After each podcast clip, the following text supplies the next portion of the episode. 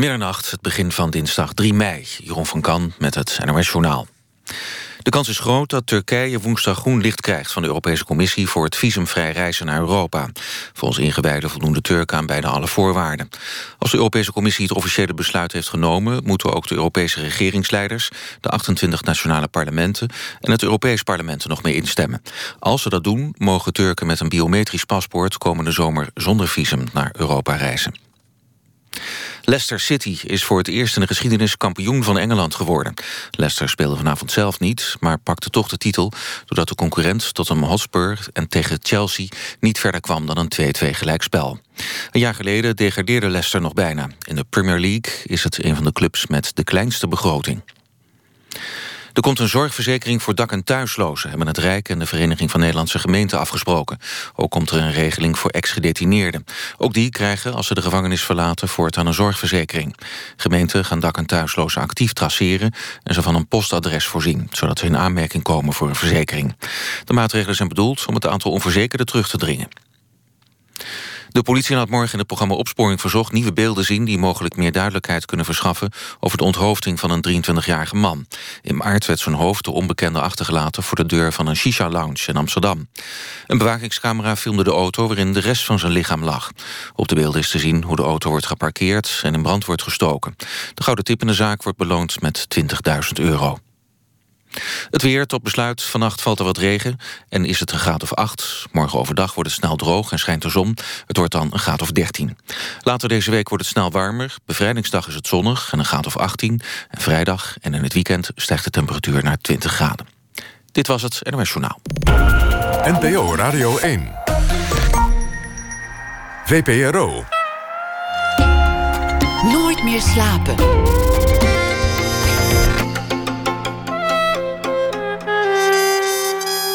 Met Pieter van der Wielen. Goedenacht en welkom bij Nooit meer slapen. Arnon Gunberg vertelt deze week elke dag over de besognes van zijn aanstaande boekpresentatie. Dat wordt een eh, telefonisch feuilleton na één uur. Een gesprek met Louis Theroux, befaamd programmamaker. Hij dook in de obscure wereld van de Scientology. Monier Samuel komt op bezoek. Die spreekt morgen op de avond voor de empathie... en trekt vragen in onze rubriek Open Kaart. Mijn gast voor het komend uur is een BV'er. Een bekende Vlaming wil dat zeggen. En uh, hij is frontman van de succesvolle formatie Das Pop. Drummer bij de band Soulwax. En hij heeft een nieuw eigen album. Zijn tweede soloalbum Pyjama Days. En uh, in België steeg dat album meteen naar de eerste plaats van de albumlijsten. Verder leent hij zijn naam aan uh, een wijn. De blend van Bent, een witte wijn. Aan een kledinglijn. Hij maakt ook programma's. Hij is jurylid in The Voice of Vlaanderen. En ja, het is net 12 uur geweest. Welkom, Bent. want dit is een mooi moment. Ja. 3 mei 2016. Je bent 40. Exact, op dit eigenste moment. Wow. Dit, ja, het is, ik weet niet hoe laat je precies uh, Ja. uh, planeet Aarde voor het eerst Ik denk heel vroeg in de ochtend, maar laat dit heel vroeg in de ochtend zijn dan. Ja. Nou, daar komt. Oh, perfect. Champagne. Hè? Ik heb een fles champagne meegenomen. Ik zal hem niet declareren, anders denkt de boze, de boze menigte dat, dat ik van hun geld champagne zit Nee, te nee, drinken. nee. Dat willen we Dank natuurlijk niet. Nou, hier, champagne. Proost. Hoe, hoe, hoe voelt dat 40? Is dat, is dat een mijlpaal? Is dat een moment Nee. van bezinning? Ik zou graag zeggen van wel, maar eigenlijk nee. Santé. Santé.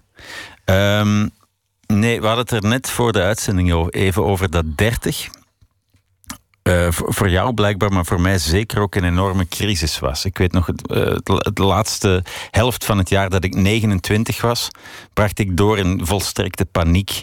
Omdat ik inderdaad, eh, ik werkte ook, of ik werk in een medium popmuziek, waarin je geacht wordt om voor je 22e min of meer een meesterwerk op de wereld te, te hebben losgelaten. En ik, ik merkte van op mijn dertigste van, is dat wel gebeurd? Nee, dat is niet gebeurd. En kan het nog? En ben, ben ik, heb ik gefaald? En ik weet nog heel goed, dat was echt een soort midlife crisis, waar, waar, waar ik echt geen raad wist met mezelf. Ik ben toen ook naar Parijs verhuisd, gestopt met roken, wat ik extreem veel deed. En in Parijs kon ik eigenlijk weer met een witte bladzijde beginnen, kon ik mezelf heruitvinden. Ja. Ik had dat hetzelfde. Toen, toen ik 30 werd, dacht ik: oh, nu is het voorbij. Het is allemaal niet gebeurd. En, en, eh, en, en, en nu, nu is de jeugd achter me. Ja. En eh, zie daar, nu komen rimpels en, en stramheid. 40 deed me helemaal niks. 40, pff, ik dacht numerologie. ja, ik Daar doen we moeilijk over. Ik, ik ben niet, niet, niet meer gespannen dan anders, nee. Je stopte met roken, je verhuisde naar Parijs Ja. toen je 30 werd. En, en, en wat is nu de grote verandering?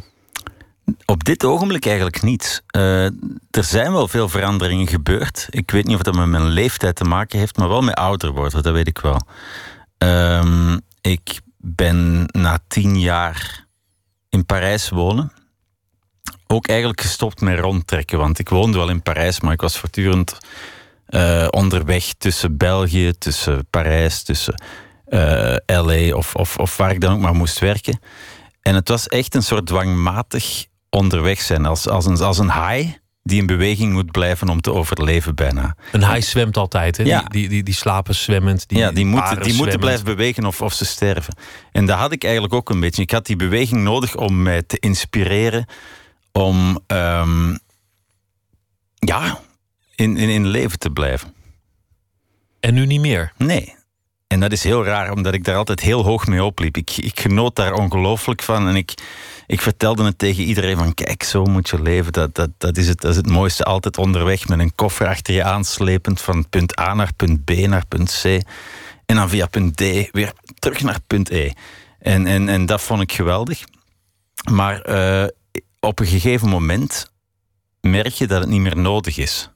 En pas dan merk je dat het eigenlijk ook een beetje vermoeiend was. Ja, wat, wat ik daarvoor niet merkte en zeker ook niet wilde toegeven. Nu ik jou hoor zeggen, toen, toen je 30 werd en die crisis doormaakte, ver- vertrok je naar Parijs, denk ik ineens. Waarom heb ik dat toen eigenlijk niet gedaan? Waarom ben ik gewoon blijven zitten waar ik zat? Wel, Nu denk ik alsnog dat het leven aan me voorbij is gegaan. Ja, maar het is eigenlijk de perfecte raad die ik geef aan, aan, aan vrienden als het even niet gaat. Is verplaats jezelf naar een andere situatie, fysiek gewoon. En als je je fysiek verplaatst, krijg je een soort van shock to the system, want je moet alles opnieuw heruitvinden. Je moet eh, opnieuw onderzoeken waar de viswinkel is of, of, of waar je een tramabonnement haalt. En al die dingen dwingen je ertoe om de wereld als een soort van nieuw terrein te zien. En, en daardoor gaan ook allerlei andere, weet ik veel, psychische dingen enzovoort, veel, veel makkelijker. Ja.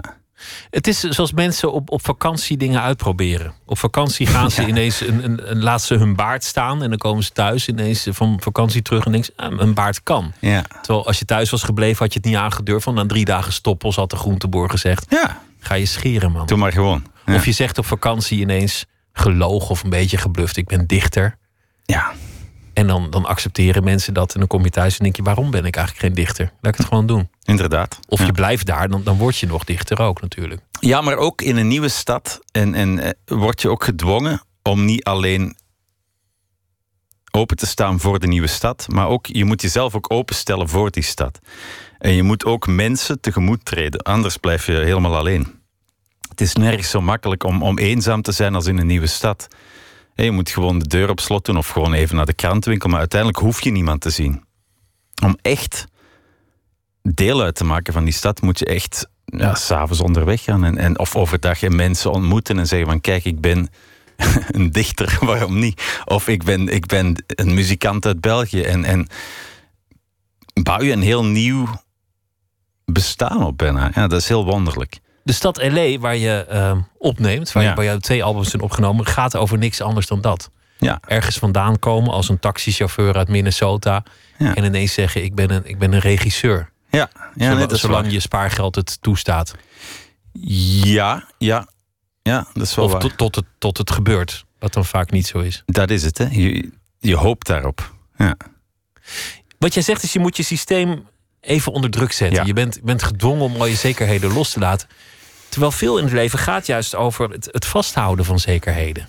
Hopen dat je die maand redt. Hopen dat je auto het niet begeeft. Hopen dat de, de belastingdienst je niet weet te vinden. Dat is waar, maar dat is ook iets waar je niet vooruit zal helpen. Dat, dat, is, dat is goed om, om, om de allereerste problemen tegen te houden misschien. Maar als je echt iets wil veranderen, moet je, moet je in het diepe springen. Ben ik van overtuigd. En, en moet je toeval een kans geven en, en vooral het voorspelbare uitschakelen. En heb je dan geen moment van vrees? Dat je denkt, god, ik, ik, ik zit hier wel in, in Los Angeles... of ik zit hier wel in Parijs... of ik Wel, ik denk ook, als het uit een noodzaak voorkomt, heb je geen vrees. Want dan, dan ben je eerder aan het wegrennen van iets anders. En dat is vaak sterker dan, uh, um, dan de angst voor het nieuwe. Ja. Maar we hebben het nu over de oude situatie. Want je bent terug in Antwerpen. Ja. Je, bent, je hebt eigenlijk die koffer onder je bed gezet. En, en die blijft voorlopig onder dat bed. Want, Ja. want je zei, ik, nu ben ik hier. Je bent vader geworden van een, van een dochter. Zeer belangrijk, in, in, denk ik, in dit hele verhaal. Ja, ja. Dat helpt natuurlijk, want Ja. nu, nu heb je verantwoordelijkheden. Maar kennelijk heb je iets gevonden dat er al die jaren niet was. Mhm. Iets, iets, iets ontdekt waardoor, je- waardoor je die drang, die, die, die, die wind in de kont niet meer hebt. En wat het is, ik weet het ook niet. Maar, maar het is. Ik denk, ik denk op, op een gegeven moment kom je dichter bij de plaats waar je moet zijn. Ehm, zowel in wat je maakt, als, als wie je bent, als met wie je je leven deelt. En, en dan is het inderdaad heel raar voor een, een soort zwervende gast als ik zelf om te merken van kijk, het hoeft niet meer. Ja. Laten we gaan luisteren naar waar je voor gekomen bent. Een nieuwe plaat, Wind is Blowing. En we gaan luisteren naar dat nummer Wind is Blowing van het album Pyjama Days. En, eh, proost, Dank neem een slok van de champagne.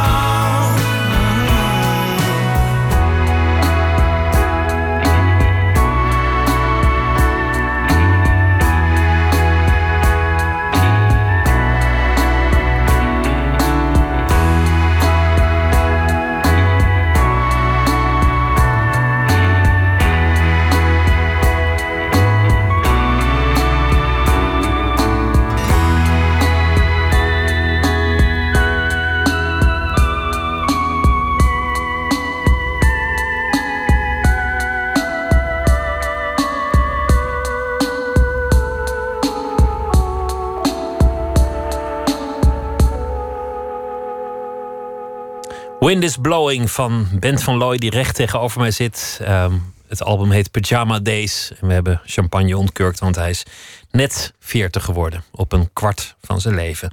Nou, dan mats ik je een heel klein beetje. Jouw, jouw beide ouders waren ook muzikant. Ja, Jouw ja. vader was, was zanger, je moeder was muzieklerares. Ja, En jullie woonden in een bos. klopt. Daar had men kennis op. Ja, kijk, we zijn naar een bos verhuisd op een gegeven moment. Want ik ben wel echt in Antwerpen Centrum geboren. Mijn vader werkte toen bij de opera in het koor. En dan mochten wij af en toe al eens als kleine jongens mee. En dan liep je daar tussen, tussen die houten speren en dikke mannen die, die eh, geschminkt in onderlijfjes en, en, en van die Romeinse sandalen rondbanjerden in prachtige eh, marmeren gangen. Eh, ehm, met, met een gigantische ijskast vol bier, dat weet ik nog. En, en dat was natuurlijk een hele magische sfeer. Dat, dat je daartussen kon rondhuppelen en kijken. En, en eh, mijn moeder was eh, muzieklerares op de vrije school, waar ook wij naartoe gingen. Dus, dus er was altijd muziek in huis. Er stond een klavecimbal in de woonkamer. Maar popmuziek was verboden. Het moest serieuze muziek zijn of, of Echte, echte klassieke muziek. muziek. Exact, ja. ja, ja. En ehm, dat bos kwam pas later. Eh, mijn vader raakte zijn werk kwijt in de opera. Iedereen werd ontslagen, want de opera werd heruitgevonden. En wij verhuisden naar een heel klein huis. Eigenlijk meer een tuinhuisje in een bos. Eh, boven was er een slaapkamertje waar we met zes sliepen. Beneden was er een, een woonkamer met de tegels recht op de aarde en een petroleumkachel. En in de keuken was een pomp waar je zo aan moest trekken. Dat klinkt heel pittoresk. Daarnaast was een schuurtje eh, waar je in kon douchen, ook in de winter. Moest je mee klompen, met een handdoek om naar het schuur gaan douchen. En dat klinkt allemaal heel erg. En, En ik kwam denk, er, ik kwam denk er ook wel dat warm water uit die, uit die douche? Jawel. Oké, nee, het- we moeten het niet erger maken dan het Nee, was. nee, dat wel, dat wel, dat wel. Ja, ja. Maar de tocht naar en van de douche was wel koud. Eh, en ik, ik, ik denk achteraf gezien dat dat echt uit noodzaak was dat wij daar woonden. Maar ik was toen denk ik tussen 8 en 12 jaar of zo. Dus voor mij was dat één geweldig avontuur. En heb ik daar alleen maar mooie herinneringen aan. Ja, Maar het moet juist voor een kind heel leuk zijn om in het bos te wonen. geweldig. Ja. Beter dan, dan de stad misschien nog Ik denk het wel, want ik- ik- wij leefden echt in dat bos. Ik kende heel het bos van buiten. En, en, en ja, al, al die dingen van inderdaad meeklompen door, door de modder naar de douche te gaan. Dat is als kind echt gewoon alsof je in een soort van Astrid Lindgren boek leeft of zo. Ja. Maar je vader was zijn werk kwijt bij de opera. Ja. Geen speren meer, Ja. geen harnassen. Niks. Geen eh, Romeinse legioenen meer. Nee. Hoe was hij daaronder? Eh, eh, hij vond dat heel erg, denk ik. En, en, en dat waren ook jaren waarin hij weinig buiten kwam. En, en ja, ik denk, denk dat dat een donkere tijd was, ja. Een gebroken man? Ja, toen wel, ja. Dat denk ik wel. Is dat goed gekomen? Ja, later is die eh, eh, musicals gaan zingen. Niet veel later trouwens. Toen we terug, toen ik 13 of 14 was, vond hij werk bij het Ballet van Vlaanderen. Dat was een, een heel bekend musicalgezelschap. Waar hij met bijvoorbeeld eh Ramses Shaffi gezongen heeft. En dat was dan, hij was een beetje de minder van Ramses Shaffi in Antwerpen. Om te zorgen dat hij niet te laat uitging. En, en die kwam ook wel eens bij ons thuis. Dat was ook heel spannend voor mij. En nu toert hij nog steeds rond in Azië. In The Phantom of the Opera. Dus ja, dat is, eh, is goed gekomen. Ja. Wat was jij voor kind? Een heel teruggetrokken, dromerig kind. Dat heel erg in zijn hoofd leefde. Heel veel plannen maakte voor later. eh, maar volstrekt niet thuis was in zijn lichaam, denk ik. Alles wat sport was, of beweging, of andere kinderen, eh, was, was, was moeilijk, ja. ja. Ik weet niet of ze dat in België ook deden, maar bij ons dan, dan moesten ze altijd. Dan werden de twee populairste kinderen van de klas gekozen. En die mochten dan zelf een team samenstellen. En die mochten dan één voor Ja. één de beste kiezen. Ja. En dan, dan waren er altijd twee kinderen die als laatste op dat Ja, bankje dat was zaten. ik, inderdaad. Dat- dat was jij dan. Exact, ja. Klassiek. Ja. Nee, ik was, ik was altijd aan het lezen of aan het tekenen of, of, of dingen aan het verzinnen eh, alleen, ja. Had je verder wel een, een goede functie in, in, in de groep, sociaal gezien? Was je, was je een populair kind? Nee, dat denk ik niet. Nee. Eh, op de lagere school ging het nog wel, maar, maar rond mijn twaalfde of dertiende ehm, werd ik extreem gepest zelfs. Ja. Was, was, ik, was ik het tegendeel van iedereen van mijn klas. En, en, en werd ik van trappen geduwd. En, en, en ja, ja. En dat heeft, dat heeft me ergens wel ook gedefinieerd, denk ik. Je was, je was een zonderling en ze moesten Ja. je niet. Ja, inderdaad. Ja. Elke dag gepest? Ja. Elke dag van de trap geduwd? Of Ja, eh, altijd op je hoede? Ja, en eh, erger nog, ze, ze- hadden een methode gevonden met eh, van die ehm, balpennen. Daar kon je propjes papier mee schieten. Maar ze staken daar dan spelden in en dan schoten ze die zo in mijn rug. In de klas, dat klinkt echt verschrikkelijk. Maar het was, het was een dagelijkse realiteit, ja. ja. Het klinkt inderdaad verschrikkelijk. Maar goed, het, het is ook meedogenloos natuurlijk. Het, het Zo zijn kinderen, hè. En, en, of Ja. kun je dan nog over kinderen spreken? Maar het was, het was echt ja, eh, verschrikkelijk, ja. Hoe ben je eraan ontkomen? Ehm, ik weet nog dat ik na één zomervakantie, ik denk toen, toen ik 15 werd of, of net was, eh, ik ook ineens veranderde. Ik denk, ik denk dat, het, dat, dat mijn hormonen ineens begonnen werken of zo. Of, of, of, of ik ineens een, genoeg had van die situatie. En ik dacht van kijk, al die dingen waar ik om gepest word en die iedereen belachelijk vindt, misschien kan ik die ook ombuigen in de andere richting. En toen heb ik gemerkt dat, dat bijvoorbeeld die, die tekeningen die ik maakte, dat, dat ik daar net heel sterk mee kon worden. Of, of de eh, manier waarop ik met taal omging, dat dat niet per definitie belachelijk was, maar ook net iets heel sterks kon zijn. En dat is echt een soort metamorfo eh, metamorfose geweest van twee maanden of zo. En, en, en toen was de boel volledig omgedraaid en was ik echt veranderd in een, een zeer aanwezige persoon. Ja. Je ging je anders zijn koesteren. Ja. En misschien wel uitvergroten. Gebruiken, gebruiken, denk ik eerder. Ja. En dat ben je altijd blijven doen. Ja, je zou zelfs kunnen zeggen dat de eerste platen van de Spop eh, een soort wraakoefeningen waren. Echt waar. Vaak oefeningen op de, de spelden in je rug. Maar Ja. misschien ook je ouders die, die, die jou verboden popmuziek te luisteren. Ja, een soort antwoord op alles wat er daarvoor kwam. Misschien wel. En Ja. misschien ook niet zoveel aandacht voor je hadden omdat ze hun eigen sores hadden. Misschien, ja. ja. Nou, je zegt misschien, was het eigenlijk zo? Nee, ik denk, ik denk, ik weet dat mijn moeder bijvoorbeeld altijd, altijd extreem veel aandacht had voor ons. En, en dat, dat is nog steeds zo trouwens. Ja. En je vader ook. Mijn vader was, was eh min. Ik denk, ik ben nu zelf een vader. En ik, ik probeer wel om aanweziger te zijn of zo, ja. Ja. In welke zin aanweziger? Gewoon thuis. Fysiek, Fysiek, maar ook, maar ook gewoon als, als aanwezigheid, ja. moreel, mentaal, emotioneel. Ja. eh, in, in, ieder dingen. opzicht verbaal. Al die dingen. Noem maar op. Wanneer kwam de rock'n'roll via de achterdeur toch je leven binnen? In het bos, vreemd genoeg. Want In het bos? Iets, ver, ja, iets verder in het bos stond er nog een grijze barak met grijze golfplaten. eh, en gele ramen. En daarin woonden twee jongens van ongeveer mijn leeftijd. En zij hadden iets wat wij niet hadden. En dat was een kleine zwart-wit televisie. En, en, en daar ging ik dan heel soms woensdag eh, zogenaamd spelen. En dan gingen we op de bank zitten, alle gordijnen dicht en keken we naar tekenfilms. En op een gegeven moment kwam er na die tekenfilms een popprogramma. En daarin zag ik een clip van eh, Michael Jackson. Zwart-wit, The Way You Make Me Feel. En wat ik toen meemaakte, dat weet ik nog heel goed, dat was een soort van elektrische schok. En ik wist van, oké, dit is het. En, en daarna ben ik nooit meer hetzelfde geweest. Toen wist ik van, ik wil dit en meer. Dus ik ging steeds meer naar die vrienden. En wij luisterden dan op zaterdagochtend naar de Radio 2 Top 30. En, en, en noteerden alle hits. En als ik, als ik dat nu beluister, dat zijn echt heel lelijke nummers. Heel goedkoop geproduced door Stock, Aitken en Waterman. Maar nog steeds klinken die als, als puur diamant in mijn oren. Ja.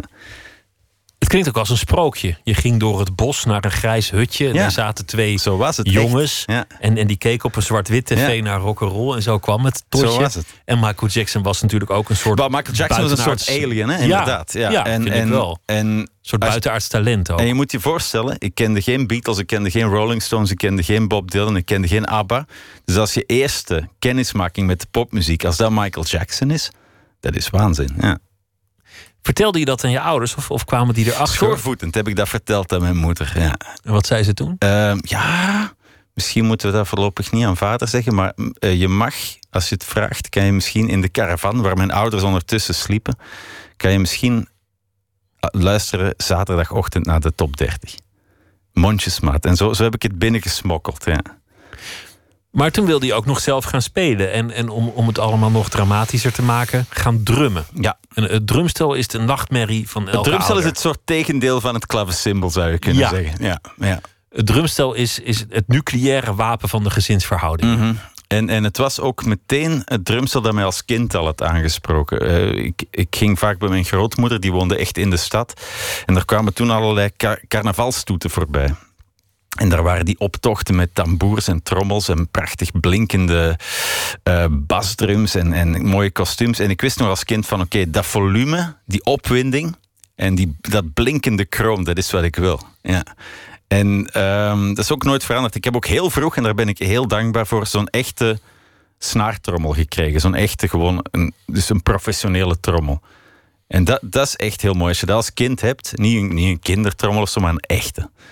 En, en, en op een gegeven moment was dat niet meer genoeg. En, en ben ik dan met emmers verder gaan spelen tot ik op mijn twaalfde dan een drumstel kreeg. En, en sindsdien ben ik drummer. Ja. Heb je nog andere carrières geambieerd? Heb je op een zeker ogenblik Nee. nog, nog andere opleidingen gedaan? Of, of, Nee, eh, voor mij was het heel duidelijk. Het was tekenen en muziek. Tekenen en drummen. En, en dat wist ik toen ik vijf was. Ik maakte ook altijd heel gedetailleerde eh, tekeningen van hoe mijn leven precies zou zijn. Dus mijn drumstel was uitgetekend. Eh, eh, hoe mijn academieklas er zou uitzien, dat wist ik op voorhand. En, en er is nooit een greintje twijfel geweest dat ik iets anders zou gaan doen of zo. Dus je hebt ook niet je, niet je school heel serieus meer genomen? Exact, en dat was ook een probleem op een gegeven moment. De, de periode waar we het daarnet over hadden toen ik 15, 16 was. En ik, en ik inderdaad gebruik maakte van wat ik kon om, om, om mij een soort houding te geven. Of, eh, dat was school totaal een soort bijgedachte die er echt niet toe deed. En als, het resultaat daarvan was dat ik niemand ken in mijn omgeving die zoveel herexamens bij elkaar gesprokkeld had als ik op mijn zestiende. En ik, ik, ik moest echt de school verlaten. Ja, terwijl, terwijl ik niet dom ben of zo, maar ik was zo weinig bezig daarmee en zo gepassioneerd door alles wat er buiten was. Eh, vrienden, liefde, tekenen, muziek. Eh, ja, dat, dat, ik moest weg. Ja. Al dus geschieden. We maken even een sprong. Het was, het was ergens in de jaren negentig. En, en hier in Nederland kwamen ineens die Belgische bands doorcijpelen. Ja, ja, ja. Deus. Dat, nou ja, wat, ik wil nog niet zeggen dat ze zo alien waren als, als Michael Jackson, maar, maar Ja, verrassend. maar het was toch een, een en soort... openbarend Ja. was, het, was het zeker. Soulwax Mhm. kwam een paar jaar later. Eh, das Pop kwam ook niet veel later. Mhm. En hier boven de rivieren, boven eh, de grens met Vlaanderen, wa- wa- was eigenlijk een soort verbazing van... Ja. Wat, wat gebeurt er daar in België? Dat weet ik nog heel goed. En dan in het bijzonder nog de regio Gent, maar dat wisten we toen nog niet. Wat, wat, was dat eigenlijk Maar eerst was het de regio Antwerpen met Deus Deus, en was Antwerpen. Swoon en al dat Ja. soort dingen. En, maar dan was er Solwax en dat is pop. En, en Gent was toen een, een heel eh, interessante stad. En ik vertelde net dat ik Antwerpen moest verlaten op mijn zestiende. En ik wist wel exact waar ik naartoe wilde. Ik ging naar Gent. Ja, omdat ik voelde van daar, daar, Daar broeit iets. daar broeit iets en daar is iets mogelijk. Eh, ehm, en dat was toen ook zo. Gent was op het randje tussen een hele saaie provinciestad, die jarenlang was geregeerd door de liberale politici, die een beetje in slaap gesukkeld was. En, en ehm, toch gebeurde er iets. Je had de Gentse feesten natuurlijk. Je had ehm, ongelooflijk levendige eh, cafés, waarboven je als jonge band gratis kon repeteren. En dan kon je naar beneden gaan om je songs uit te testen op het publiek. Je kon een heel huis huren voor geen geld. En ik was 16 en nieuw in de stad. Eh, ik woonde niet meer bij mijn ouders. Ik, ik, ik moest natuurlijk nog wel naar school. Maar, maar toch, ik woonde op een zolderkamertje in het centrum van Gent. Heel cliché, eh, slecht geïsoleerd, alles lekte, maar het, het was magisch. En ik voelde van, dit kan. Dit is een soort speeltuin, zou ik niet zeggen, maar bijna wel, waar je jezelf kan ontwikkelen. En dat is iets wat ongelooflijk is. Dat is ook iets wat gebeurd was in, in, in de jaren eh 70 in, in New York bijvoorbeeld. Was ook iedereen die een beetje kon nadenken de stad ontvlucht en waren alle lofts goedkoop voor, voor jonge kunstenaars die dingen konden ontdekken. En Gent is een soort miniatuurversie daarvan, heb, ik het gevoel. Een plek waar heel veel eh, muzikanten, maar ook, eh, ook kunstenaars en, Ja. en, en schrijvers. Herman Brusselman stond tegen die tijd al op de monumentenlijst van Ja, ja, Gent. ja, ja. Maar toch. Denk ik. Ja, het, het was een plaats waar dingen konden ontwikkelen, waar dingen konden groeien. Waar, te- waar niet veel regels waren. Want als je nu in Gent, in Gent komt, zijn alle hoekjes netjes afgerond. En het is enorm duur om daar te wonen. Dus als je nu een jonge groep bent, ik weet niet, ik zou zeggen, ga naar Charleroi of zo. Ja. Of Mons. Ja. ja. Ontsnappen is een, is een thema waar je het net al over had. En Ja. dat, dat heb je ook uit Gent gedaan. En het eh, staat ook ehm, op, de- op de plaat. Een nummer met de titel My Escape. We gaan daar naar luisteren. You used to think of me as such a weird young man with my nose stuck in a book. I will have you know I always had a plan right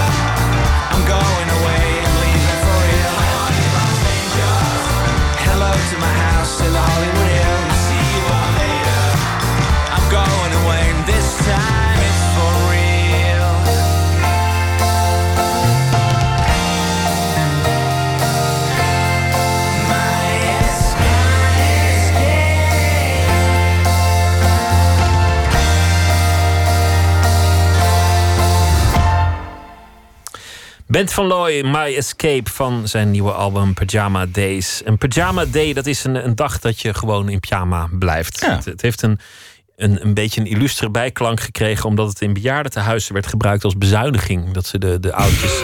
Die, die vochten Dat om hun- wist ik niet. Ja, dat is best tragisch. Mensen die, die hun waardigheid elke dag proberen te bewaren... die dan te horen krijgen... Vandaag, Vandaag- is een pyjama-dag. Oh. Vind ik Ja, zielig. ja. Maar als je, als je nog jong bent, is het, is het ook wel iets, iets leuks en tegendraads. Ik denk, ik denk een pyjama aandoen kan soms een ritueel zijn. Een pyjama draagt toch een zekere betekenis in zich. Zeker als het een mooie pyjama is. Ben je al gauw in een soort van Hercule Poirot-wereld. En, en als je dan beslist van, kijk... Of niet beslist, maar als je s'avonds merkt van... Hmm, ik heb vandaag mijn pyjama helemaal niet uitgedaan. En eh, de gordijnen zijn nog dicht. En ik ben eigenlijk de tijd helemaal vergeten. Ik ben, ik ben op avontuur geweest in mijn eigen kamer. Dat zijn momenten die natuurlijk niet iedere dag gebeuren, of liever niet iedere dag mogen gebeuren. Maar als ze gebeuren, moet je ze wel koesteren, vind ik. Ik denk niet dat het jou ooit gebeurt. Jawel. Ja? Heel zelden, Kan ik er- toegeven. kan me er niks bij voorstellen. Ja, ik denk dit jaar één keer of zo. Ja. Dat, ja. Ik vecht er altijd een beetje tegen, omdat ik, dat ik 's ochtends en 's middags nergens hoef te zijn. En dan, dan, dan moet ik mezelf altijd dwingen om een fictieve afspraak te hebben, zodat ik gewoon op een zeker ogenblik vaart erin zet. Ik heb normaal ook direct een soort schuldgevoel. Maar als, als het toch gebeurt en je kunt jezelf betrappen daarop, dat is wel heel mooi. Dat betekent dat het een hele mooie dag was.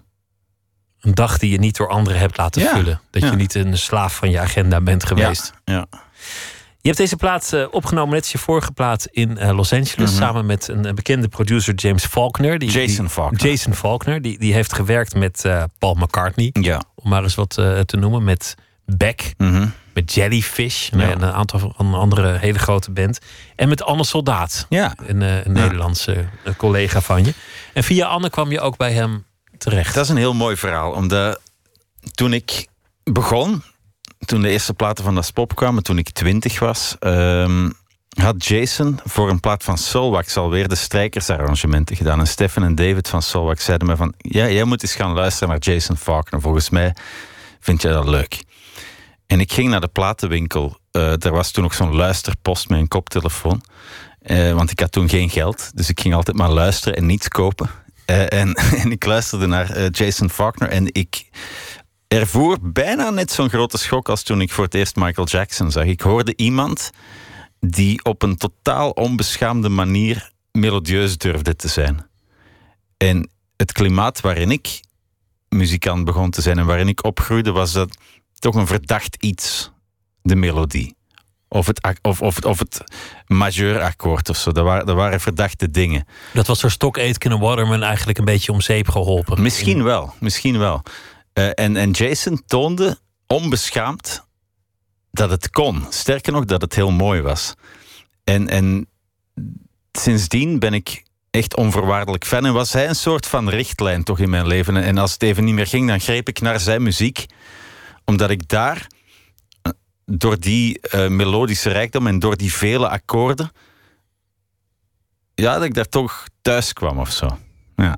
Anne Soldaat heeft wel eens verteld over de, de samenwerking Mhm. met hem. Eh, in 2006, geloof ik, was dat. Dus alweer een jaar of tien geleden dat hij daar voor het eerst kwam. D- Dat je verwacht dat je in een enorm grote studio komt... waar, Ja. waar al die legendes zijn geweest... maar dat het eigenlijk nou ja, aan huis is, nog net niet in de garagebox. Ja, het is een beetje een. Het was, want hij is ondertussen verhuisd, maar het was een beetje een droevig guesthouse. In LA heb je van voor het gewone huis en dan is er een paadje langs het huis, langs de vuilbakker. En dan kom je op het einde in, bij de guesthouse. Dat is een soort van klein aanbouwtje. En daar woont Jason. Eh, en heel zijn huis was de studio. Er stond een prachtig, gigantische mengtafel uit de jaren 70. Eh 20, 30 gitaren, een mooi drumstel, allemaal waanzinnige keyboards. En dan een heel klein keukentje en een heel droevig achteraf kamertje met een brits in waar die dan sliep. En dat is ongelooflijk. Hij leeft letterlijk in en voor de muziek. En het is inderdaad daar, in die woonkamer, waar, waar de plaat van Allen is opgenomen, waar ook mijn plaat is opgenomen. Ja. Ja. Je hebt alles gecomponeerd zelf, je hebt alles gespeeld zelf. Je bent in de eerste plaats een drummer, maar Ja. dit is allemaal gecomponeerd vanaf de piano. Mhm. Je bent niet per definitie een virtuoos pianist. Eh, nee, nee.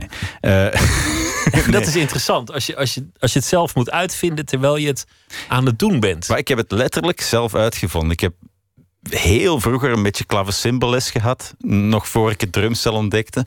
Maar, maar voor, voor de rest had ik geen idee. Ik, kan ook, ik heb ook geleerd om muziek te lezen op de muziekschool. Maar ik heb het allemaal verdrongen.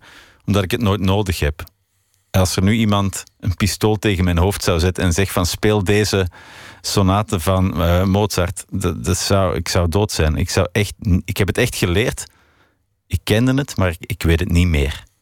Dus ja, En nu moest je ineens jezelf moest ik het uitzoeken. Ja, om ja. dat te doen ter plekke. En, en dan kom je waarschijnlijk toch met andere akkoorden dan iemand die de weg weet. totaal anders. En ook hele andere vingerzettingen en, en, en, en een heel andere manier van spelen. Ook omdat ik een drummer ben. En dat is net wat bijvoorbeeld een Jason Faulkner leuk vond. Die zei van, jij speelt... Je maakt echt een pianoplaat, maar je speelt geen piano. En dat, dat, dat, dat is, het, dat is het, het, het rare eraan, ja. En het klinkt toch ook een beetje West Coast. Er zit, zit ook wel de, de echte West Coast. Dat is dan, ik, denk, in. ik denk dat dat ook de, de invloed is van Jason, die echt daar geboren is. Echt, is echt een gast van Los Angeles. Van, zou van nergens anders kunnen zijn. Heel laid back, heel. ehm, staat op om 12 uur. eh, en, en, en werkt niet zo heel lang, maar is wel echt ademt muziek. Dus als je met hem werkt, dan, dan gebeurt alles op, op 4, 5 uur tijd. Heb je een volledig afgewerkt nummer. Als een bliksemschicht, zo snel is die en zo, zo geweldig.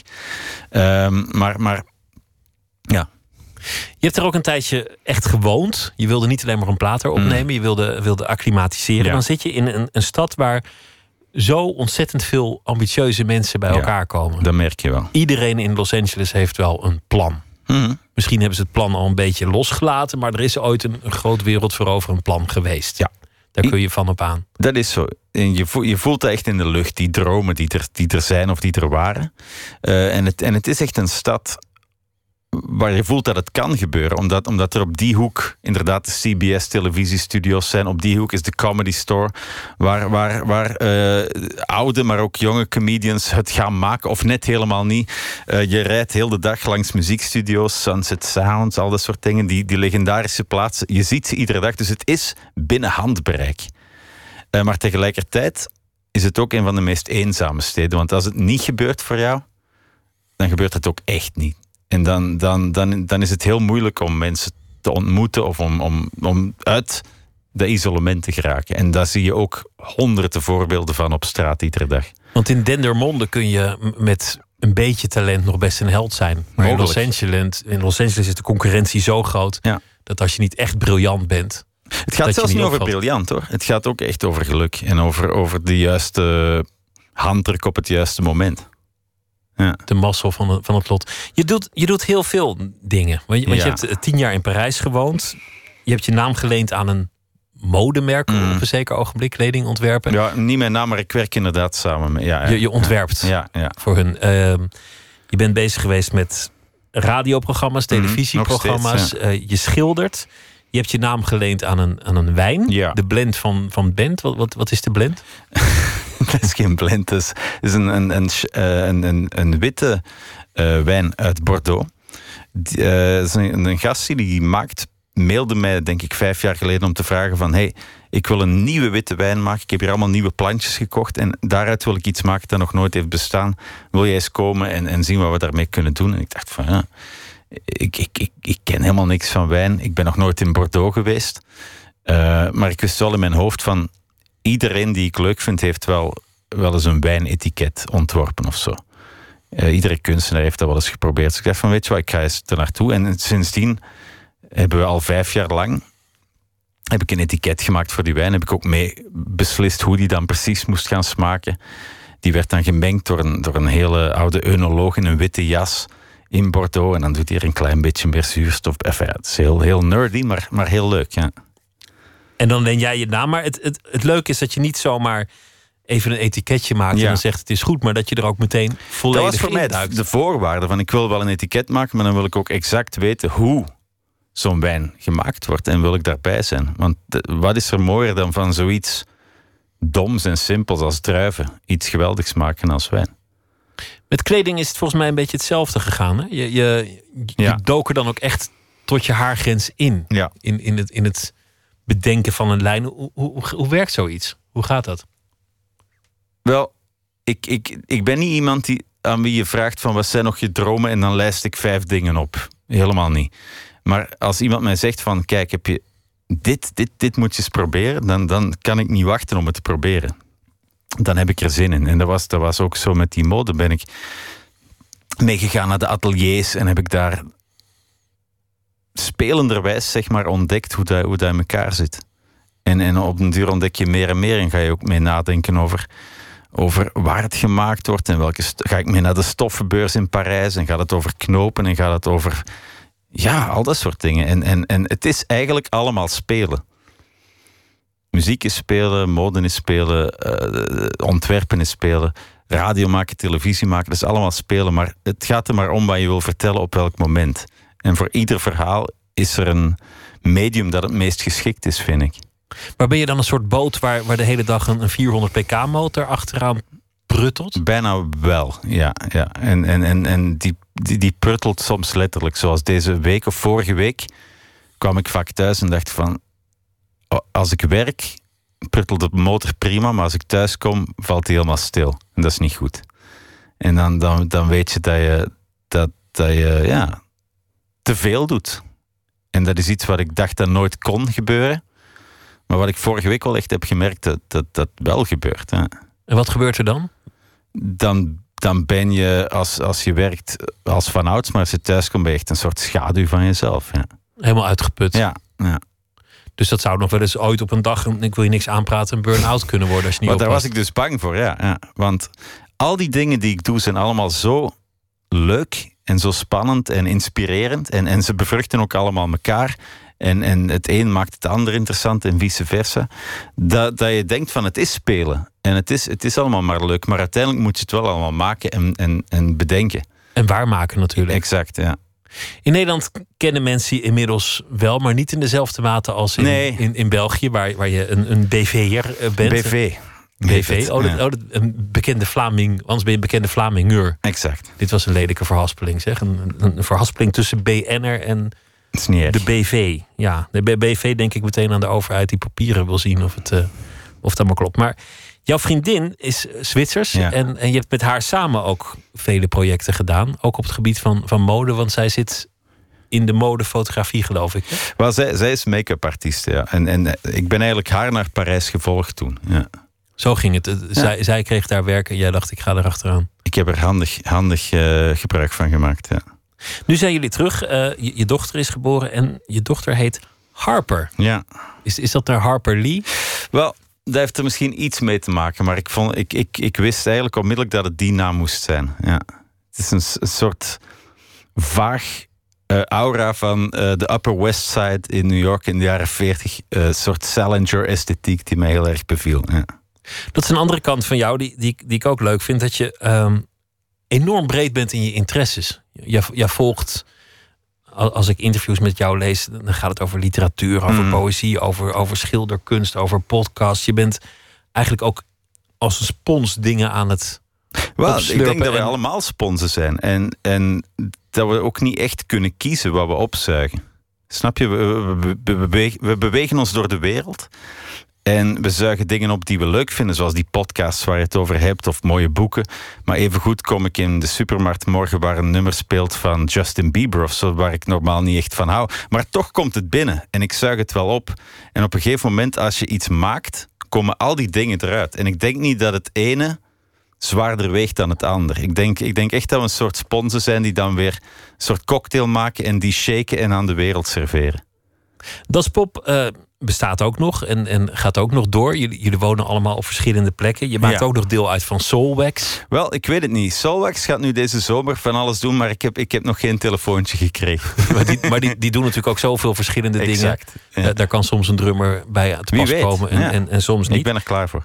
En je hebt dan eh, nu ook nog dit album. Maar je zei net van ja, soms kom ik erachter dat, dat ik eigenlijk niet zo gejaagd hoef te leven. En dat, Mhm. dat ik ook wel een beetje rust kan gebruiken. En, en je wil ook er zijn voor je kind. Ja. Dus, dus wat, wat, staat, wat staat eigenlijk de wereld te wachten de komende jaren? Ik, ik, ik zeg altijd hetzelfde, maar beter en mooier. En vroeger zou ik zeggen meer, maar dat zeg ik nu niet. Ga je ook optreden als, als solo-artiest? Ja, dit weekend. In jullie eigen Nederland, op Vlieland. eh, speel ik zondag. En, en ook in Utrecht op 10 juni. Want op Vlieland, rest ook op de, in de zomer. En, Vlieland is een festival. Is dat dan Ja, dat is het Here Comes the Summer. Dat is de voorbode van The Great Wide Open, als ik me niet vergis. Ja. veel optredens in het verschiet en een nieuwe album. En het staat alweer eh op nummer 1 in, eh, in Vlaanderen. album. niet- dat vond ik dus heel leuk. Hè? Dat is heel kinderachtig, maar dat was de Nou. eerste keer dat dit ooit gebeurde. Nou, dat is helemaal niet kinderachtig. Daar moet je om juichen. Dat, Ja. dat, is, eh, dat is fantastisch. Het was leuk dat je hier eh, te gast wilde zijn. We gaan eh, luisteren naar nog één nummer van, van je nieuwe album. Today and. Forever. Bent van Looy. Proost. Proost. En maak een leuke verjaardag ervan. dat was mooi, dank u.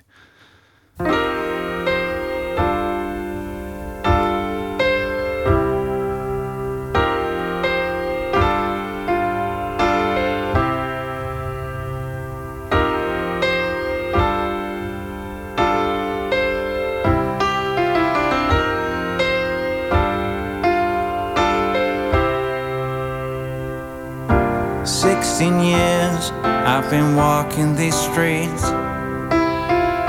singing songs, sowing memories, cutting corners, pieces of me,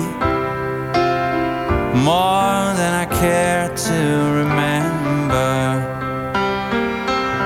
And there were times you were lost through the night. We could almost see through you.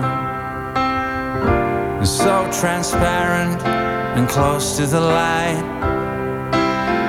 With the broom you chase after me. Tomorrow, yesterday, today and forever.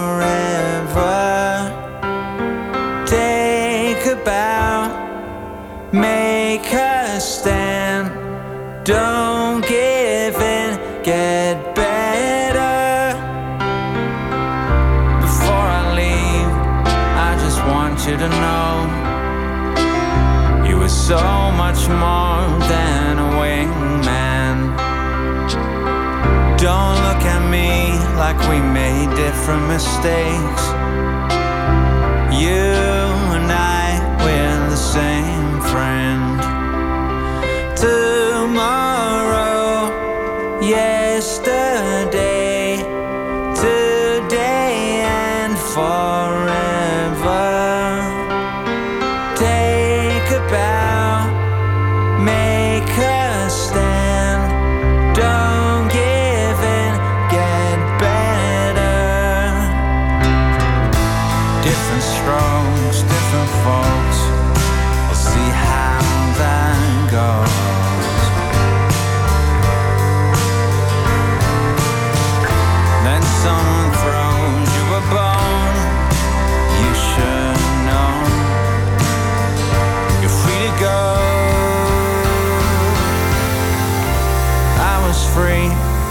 When I left you behind.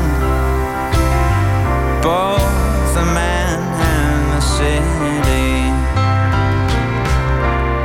Free of shackles of body and mind. How could you come back to haunt me? Tomorrow,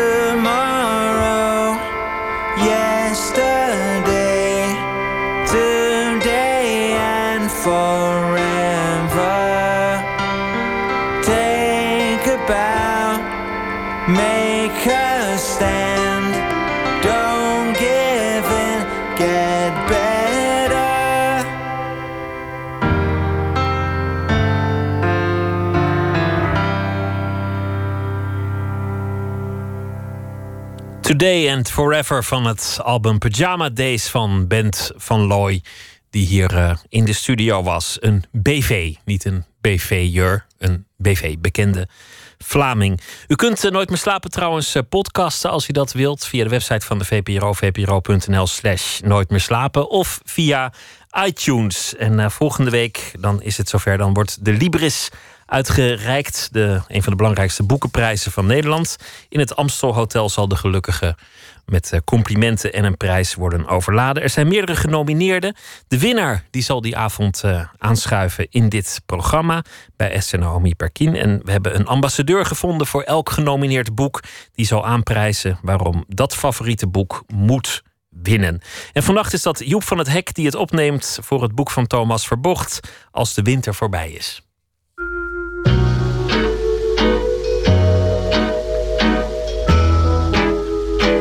Volgens mij gaat het boek een beetje over eh, eh, mijn generatie. En eh, het, ik ben zelf 62, Thomas is iets ouder. En het is een man van in de 60 die terugkijkt. Het op allemaal details uit zijn leven. En zijn jeugd. De hoofdfiguur heet toevallig ook Thomas. Het is eigenlijk ook wel volgens mij redelijk autobiografisch. Maar hij heeft natuurlijk ook wat ja, elementen aan toegevoegd. En weggelaten waarschijnlijk ook.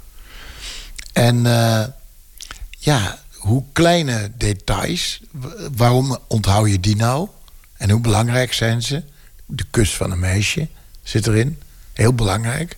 En hoe dat de rest van je leven bepaalt. En, hoe dat, en daar vind ik het boek zo eh, prachtig in. En dat het allemaal van die ja, herkenbare kleine details. Het zijn momenten van geur, momenten van ouders, momenten van jeugd, momenten van zomer, momenten van dat je alleen bent, momenten van dat je het leven nog niet zo goed snapt. En waar Thomas zo goed in is, dat zijn die, uh, tenminste dat vind ik, prachtige zinnetjes, prachtige regeltjes, waarin hij het samenvat, zegt.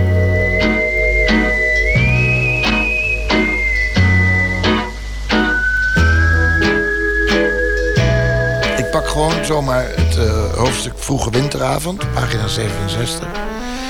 Twee mensen gaven me een boek van Camus cadeau. Mijn vader en Julie Prinsen die ik in het eerste jaar van mijn studie Nederlands ontmoette. Ik was bij haar gebleven op mijn verjaardag.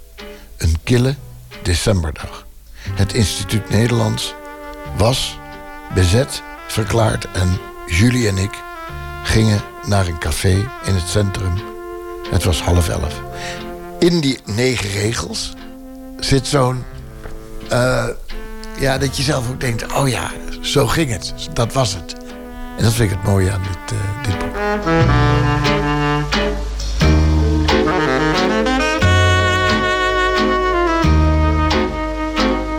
Je hebt allemaal van die kleine ontmoetingen. Uh, die, die, die zo ja, ondefinieerbaar belangrijk. Ik kreeg toevallig een, een paar weken geleden... kreeg ik een, een, een, een heel tragisch, een rouwkaart van een, uh, een, een, meisje, vrouw van mijn leeftijd, vier jaar jonger. Waar ik toen ik twintig was, of 22 was, even, nou laten we het netjes zeggen, even aan gesnuffeld heb. En zij was dat dus niet vergeten. Zij heeft toch gezorgd. Zij is, vrij, ja, zij is ziek geweest en overleden. En zij heeft dus toch tegen haar zusje gezegd... en je moet Joep een kaart sturen. En toen ik die kaart kreeg, gingen er allemaal uh, luikjes naar mijn jeugd open. Uh, maar ook mijn, dat studentenkamertje waar ik toen woonde. Maar ook de, de dromen die ik toen had.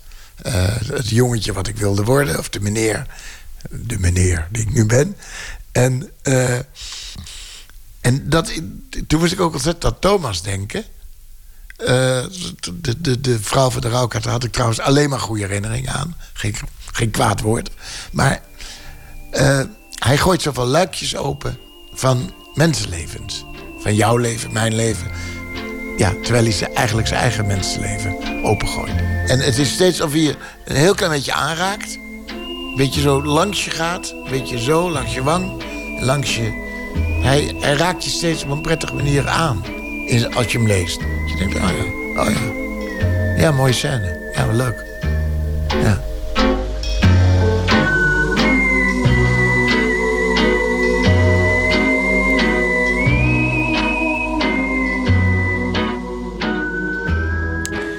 Joep van het Hek die eh, prees Als de winter voorbij is van Thomas Verbocht aan een van de genomineerden van de Libris Literatuurprijs die maandagavond zal worden uitgereikt. En dan zit de winnaar in dit programma. Dit was een bijdrage van Inge ter schuren.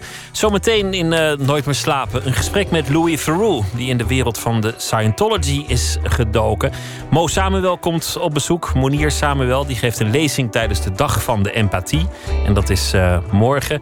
En Arnon Gunberg die uh, blikt vooruit middels een feuilleton deze week... op de presentatie van zijn nieuwe roman Moedervlekken. En die zal een speciaal dagboek voor ons bijhouden over zo'n boekpresentatie. Dat allemaal zometeen. Twitter, het VPRO NMS. U kunt ons liken op Facebook en zich abonneren op de podcast via de website van de VPRO of via iTunes.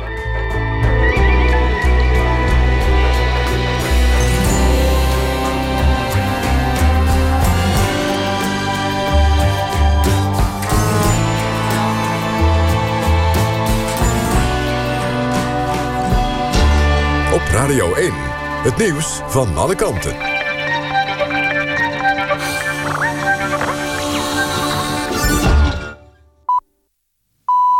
1 uur, Jeroen van Kan met het NOS Journaal. De kans is groot dat Turkije woensdag groen licht krijgt van de Europese Commissie voor het visumvrij reizen naar Europa. Volgens ingewijden voldoen de Turken aan bijna alle voorwaarden.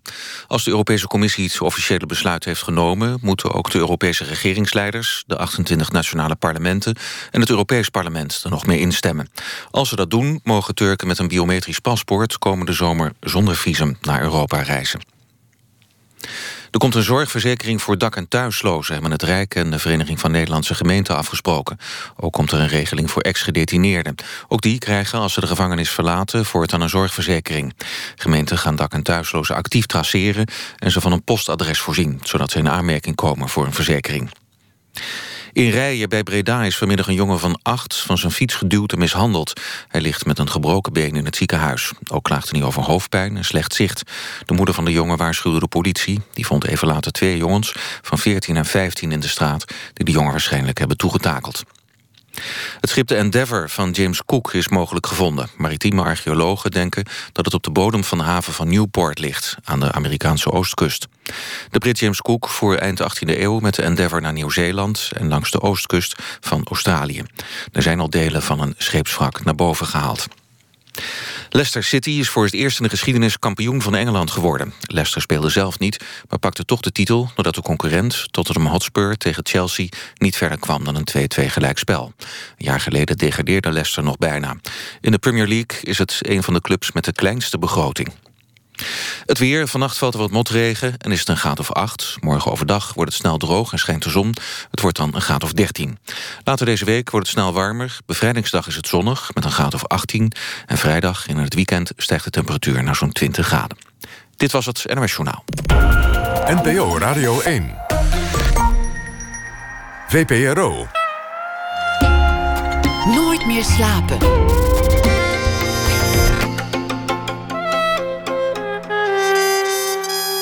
Met Pieter van der Wielen.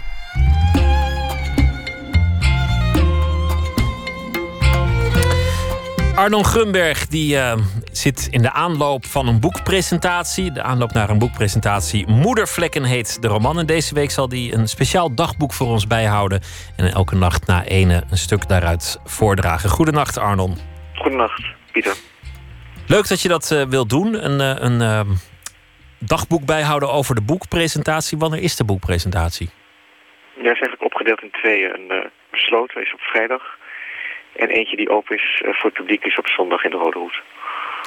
Ik weet eigenlijk heel weinig van wat, uh, wat, wat zo'n aanloop behelst. Ja, je moet zorgen dat er mensen zijn. En wie moet er dan zijn? En je moet zorgen dat er koek en soapje is voor alle aanwezigen. Wat komt er nog meer allemaal bij kijken? Ja, nou gelukkig hoeft, hoeft de schrijver zich om die praktische dingen niet te bekommeren. Uh, tenzij hij zelf zijn boek uitgeeft natuurlijk. Maar um, ja, ik denk dat er wel een versnapering moet zijn. Maar als het goed is, zorgt, zorgt de uitgever daarvoor. En ja, de schrijver dient uh, acte presents te geven. En um, soms moet hij iets zeggen. Maar eigenlijk valt het verder voor hem gelukkig mee. Als het goed is.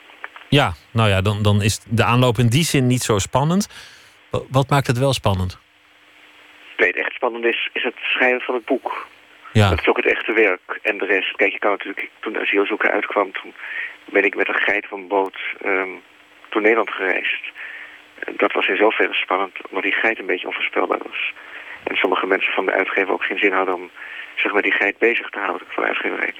Um, maar op een gegeven moment is, is de, de, de, ja, het, het uitkomen van een boek is um, vergeleken met het schrijven zelf natuurlijk eigenlijk toch een soort bijzaak.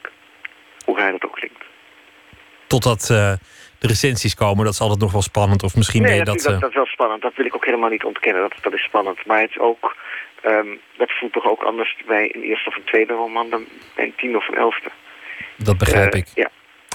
Ik ben benieuwd waar je mee komt deze week. Een uh, dagboek in de aanloop van een roman. Ga je gang. De cultuurindustrie is ook maar een fabriek. Zodra de auteur ophoudt met schrijven of met research voor het schrijven en zichtbaar meedraait met die fabriek, beseft hij weer dat hij ook een fabrieksarbeider is. Misschien minder dan dat. Hij is de schroef die wordt aangedraaid, al kan hij zich soms nog wel verzetten tegen het aandraaien. Ruwweg zijn er drie mogelijkheden in zaken interviews ten behoeve van de promotie van een boek. De journalist heeft niet gelezen, maar hij probeert dat te verhullen over actuele kwesties te spreken waarvan hij vermoedt dat die met het boek te maken hebben. De journalist zegt, ik ben maar tot bladzijde 50 gekomen. Prachtig. Maar ik moet het nog uitlezen. Mijn vrouw is aan het bevallen. Dat is eerlijk. Of de journalist heeft het boek daadwerkelijk gelezen. Toch een klein wonder. Het eerste interview over deze roman vond plaats op het terras van Hotel Bouwelak in Zurich. Het was een broeierige lentedag. Het interview werd afgenomen door Mark Schavers, een vriend, dus noodgedwongen speel van een toneelstukje. Dat hoeft de kwaliteit van het interview niet te beïnvloeden. Wat is je eerste herinnering, vroeg hij. Je hebt het onlangs opgeschreven een stuk dat in de Groene Amsterdammer stond. Ik pijnigde mijn geheugen, maar ik wist het niet meer. De opvatting dat de werkelijkheid ook maar fictie is, niet te mijnen, maar voor de romanschrijver voelt het eigen verleden soms angstaanjagend aan als fictie. En ik wist even niet meer wat ik verzonnen had.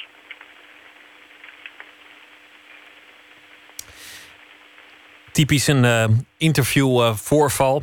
Iemand die heeft iets gelezen ergens en vraagt je dat te reproduceren om zo een mooi, uh, mooi antwoord te hebben.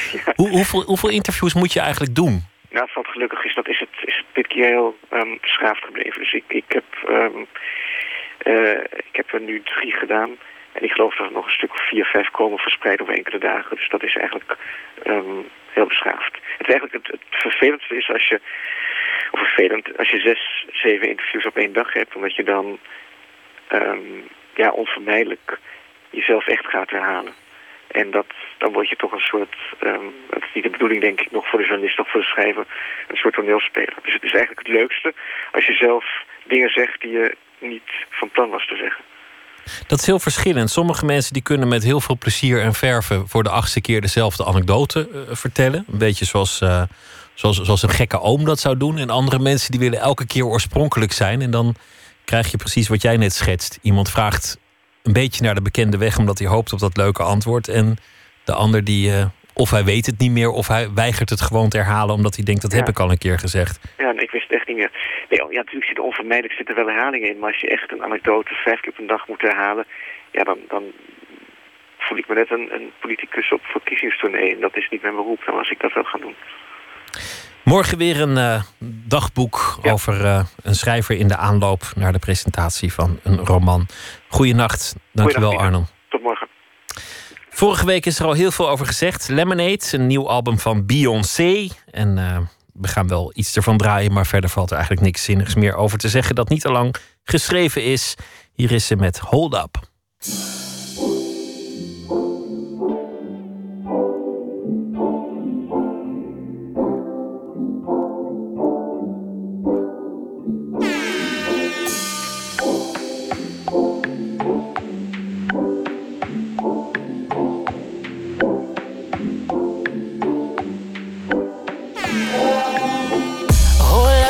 They don't love you like I love you. Slow down, they don't love you like I love you.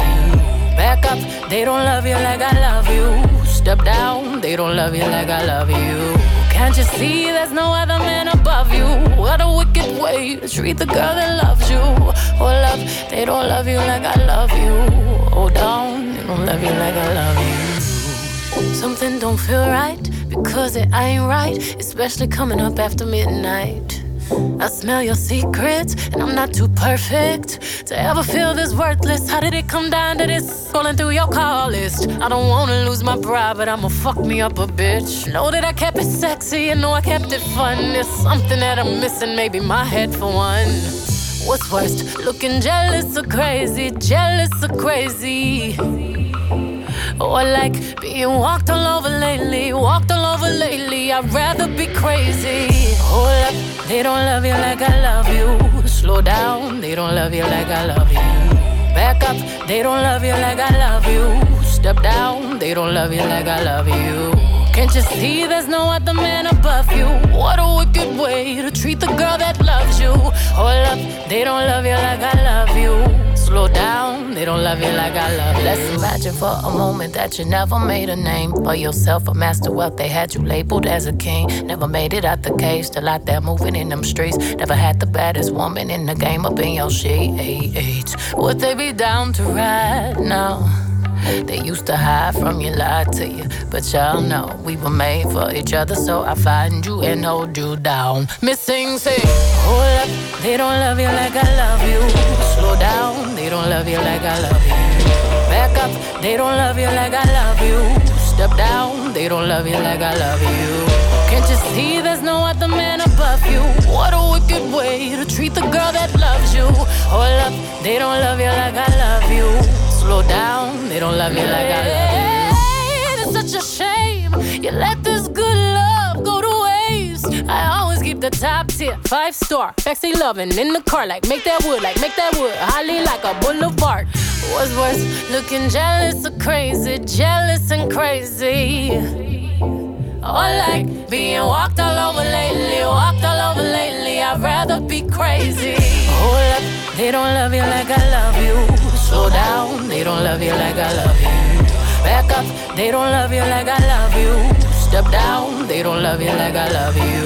Can't you see there's no other man above you? What a wicked way to treat the girl that loves you. Oh, Hold up, they don't love you like I love you. Hold down, they don't love you like I love you. I hop up up my bed and get my swag on. I look in the mirror, say what's up? What's up, what's up, what's up?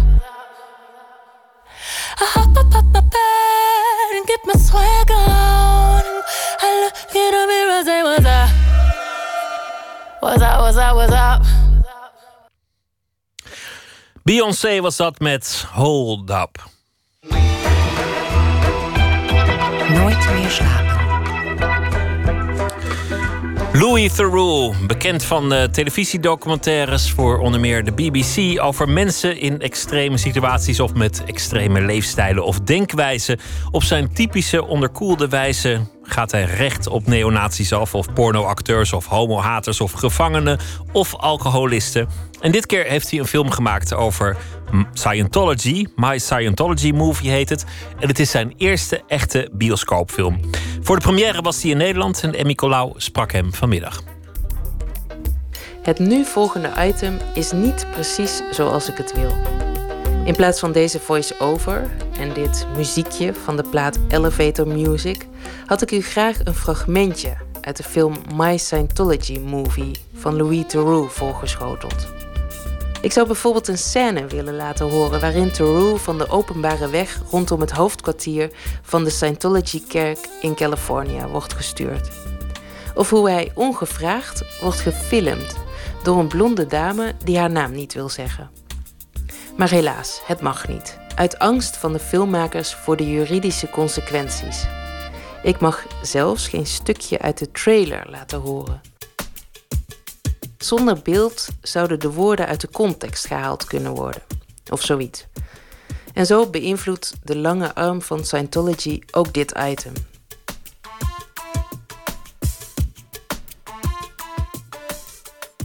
You know, we're very careful that any of the Scientology footage, which we use, you know, quite a bit in the film, that it has to be what they call, uh, in the context of fair comment.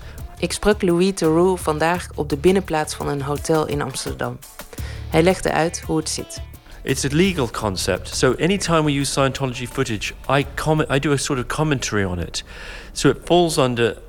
It sounds funny, but we can't just use chunks of it um, with no with no commentary from me. It has to be, in a sense, in some way commentated on or criticized, um, critiqued in some way.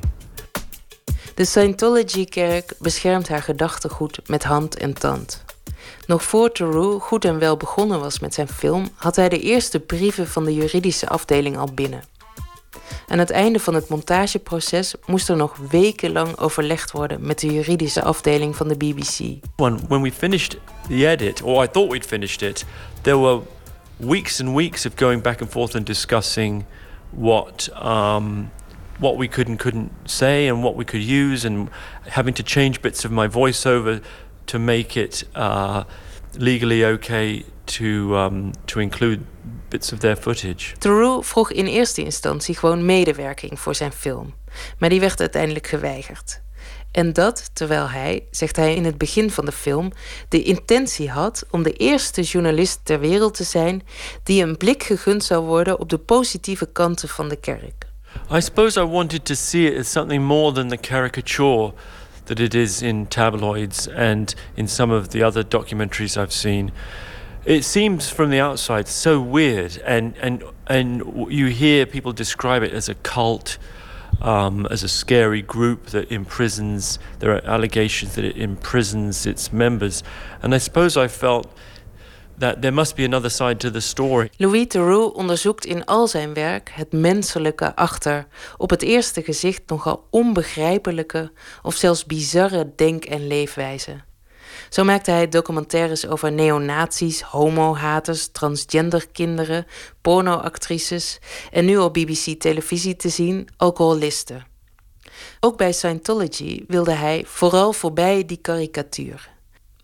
Want hoe kan het nou zijn, vroeg hij zich af, dat zoveel vrijwillig lid worden van een cult, van een enge groep die mensen opsluit? Of, Theroux verbetert zichzelf snel, een groep die ervan beschuldigd wordt mensen op te sluiten. You know, people don't go out in general thinking, well, I want to be really weird and do something bad. You know, people have, most people are trying to be good people and do and do do the right thing in their lives. And so I was hoping to see that side of Scientology and, and begin to see the ways in which things that from the outside might seem weird are actually um, in some way understandable. Theroux, zoon van de beroemde reisboeken en romanschrijver Paul Theroux, bezocht vroeger wel eens een katholieke kerk. Met kerst bijvoorbeeld. Maar echt gelovig is hij niet opgevoed. Ook niet anti-gelovig trouwens. Hij is wel gefascineerd door religies en kan zelfs wel jaloers zijn op mensen die de absolute zekerheid van hun geloof hebben. Although I don't consider myself very religious, I am fascinated by religion and, and I, I almost um, admire sometimes the, or, or, or even envy the conviction that people can have that allows them to do extraordinary things. And although I don't quite I don't quite get it, you know, in in as much as it doesn't make sense to me. Um, that sort of certainty is very appealing, isn't it? Die boodschap van Scientology lijkt zo mooi. Een betere wereld. Een wereld zonder drugsverslaafden, zonder criminaliteit, zonder ongeletterdheid. Met betere mensen. Maar hoe kan het dat Scientology met al zijn idealisme er toch alles aan doet om kritiek te smoren? Er een compound op nahoudt waar duizenden mensen wonen met naar binnen gericht prikkeldraad. En hoe kan het dat mensen zeggen dat ze hebben moeten ontsnappen? Dat ze mishandeld zijn en ook na hun uitreding nog jarenlang lastiggevallen worden? Op welk punt wordt religie dan iets potentieel gevaarlijks? At its core, it's quite a simple story, and the story is um, to do with fundamentalism, I think, and and w- at what point religion in general crosses over into something potentially dangerous. There is a sort of um, interesting parallel with um, other kinds of fundamentalism, including IS, and one of the characters in our film. I say, well, why, why were you doing that? If, if it's as you say, and that people were going around beating each other up when you were inside Scientology, why you know you both seem quite normal why would you be involved in that and the character tom de Vocht says um, it's the same reason people strap bombs on themselves and fly planes into buildings you just believe in it so much Een van de personen in zijn film, oud-lid van Scientology Tom de Vocht, verklaart waarom hij zich zelfs in elkaar liet slaan. Het is dezelfde reden waarom mensen een bomvest aantrekken. Je gelooft er zo diep in. Theroux wilde dus geen karikatuur maken. Maar hoe maak je in hemelsnaam een film als de kerk en geen van de actieve leden mee wil werken? Theroux besluit samen met zijn regisseur om trainingen, toespraken en vermeende gebeurtenissen te laten naspelen door acteurs. Er wordt een heuse casting georganiseerd om David Miscavige, de leider van Scientology, te casten en sterlid Tom Cruise te vinden. Deze methode had twee doelen. Allereerst juist aandacht trekken. I suppose it was two twofold, and one was that um, to to you know I knew they might start filming me when I made my film. So one thing was to sort of hope that that would happen and film them filming me, right? And whenever they turned up to try and engage with them. When they arrived unexpectedly, or when they uh, tried to handle me, right? In fact, they announced they're, they're making a documentary about me, and that's why they were filming me. De aanval is de beste verdediging, was het adagium van Ron Hubbard, oprichter van Scientology. En dus wordt wie een film over de kerk maakt, al snel zelf ook gefilmd. Logisch. En dat leidt tot de absurdistische situatie dat overal waar Theroux met zijn cameraploegen aan het werk is, er ook een stoïcijns filmende Scientology-ploeg opduikt. Tevergeefs probeert Theroux een gesprek met de leden aan te gaan. But the other thing we did was to try to use Hollywood techniques in order to get inside and examine um, what happened inside Scientology in the past. Het andere doel van de anseneringen was om oud-Scientology-aanhangers terug in de tijd te brengen. And it became a, a way of taking ex Scientologists, and in particular Marty Rathbun, um, the most prominent ex Scientologist, back in time and attempting to understand what their version of events was inside. Marty Redburn is een prominente ex-Scientologist. Hij zat hoog in de boom. Secretaris-generaal belast met, oh ironie, juist het beschermen van de copyright en het imago van Scientology. Hij regisseert in de film van Theroux de acteurs, als ze bijvoorbeeld heftige trainingen naspelen. Het is zijn commentaar en zijn aanwijzingen die een hele hoop onthullen, volgens Theroux. So he began saying, This is how Miscavige was, and this is what we believe, and you need the intensity. This isn't a trivial thing. This is a life and death mission. We're trying to save the planet. And, uh, and, and behavior that would have seemed odd to me um, from the outside, he was attempting to contextualize it. Tot slot, het feit dat Theroux zelfs voice-over teksten heeft moeten wijzigen. Dat moet toch ontzettend vervelend gevoeld hebben voor een journalist. Theroux legt het positief uit. De statements die in de film zitten van Scientology, die zorgen ervoor dat de kerk uiteindelijk toch ook in de film zit. What it does, I think, is add, it adds another texture in the film. It gives them a voice in the film. It feels to me now like another kind of access. You know, they're speaking to us through their legal uh, representatives.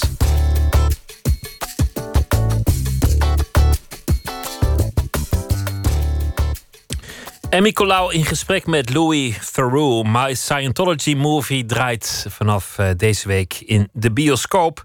We gaan luisteren naar uh, Damien Rice in een nummer bijgestaan door zangeres Lisa Hannigan. Hier is Nine Crimes.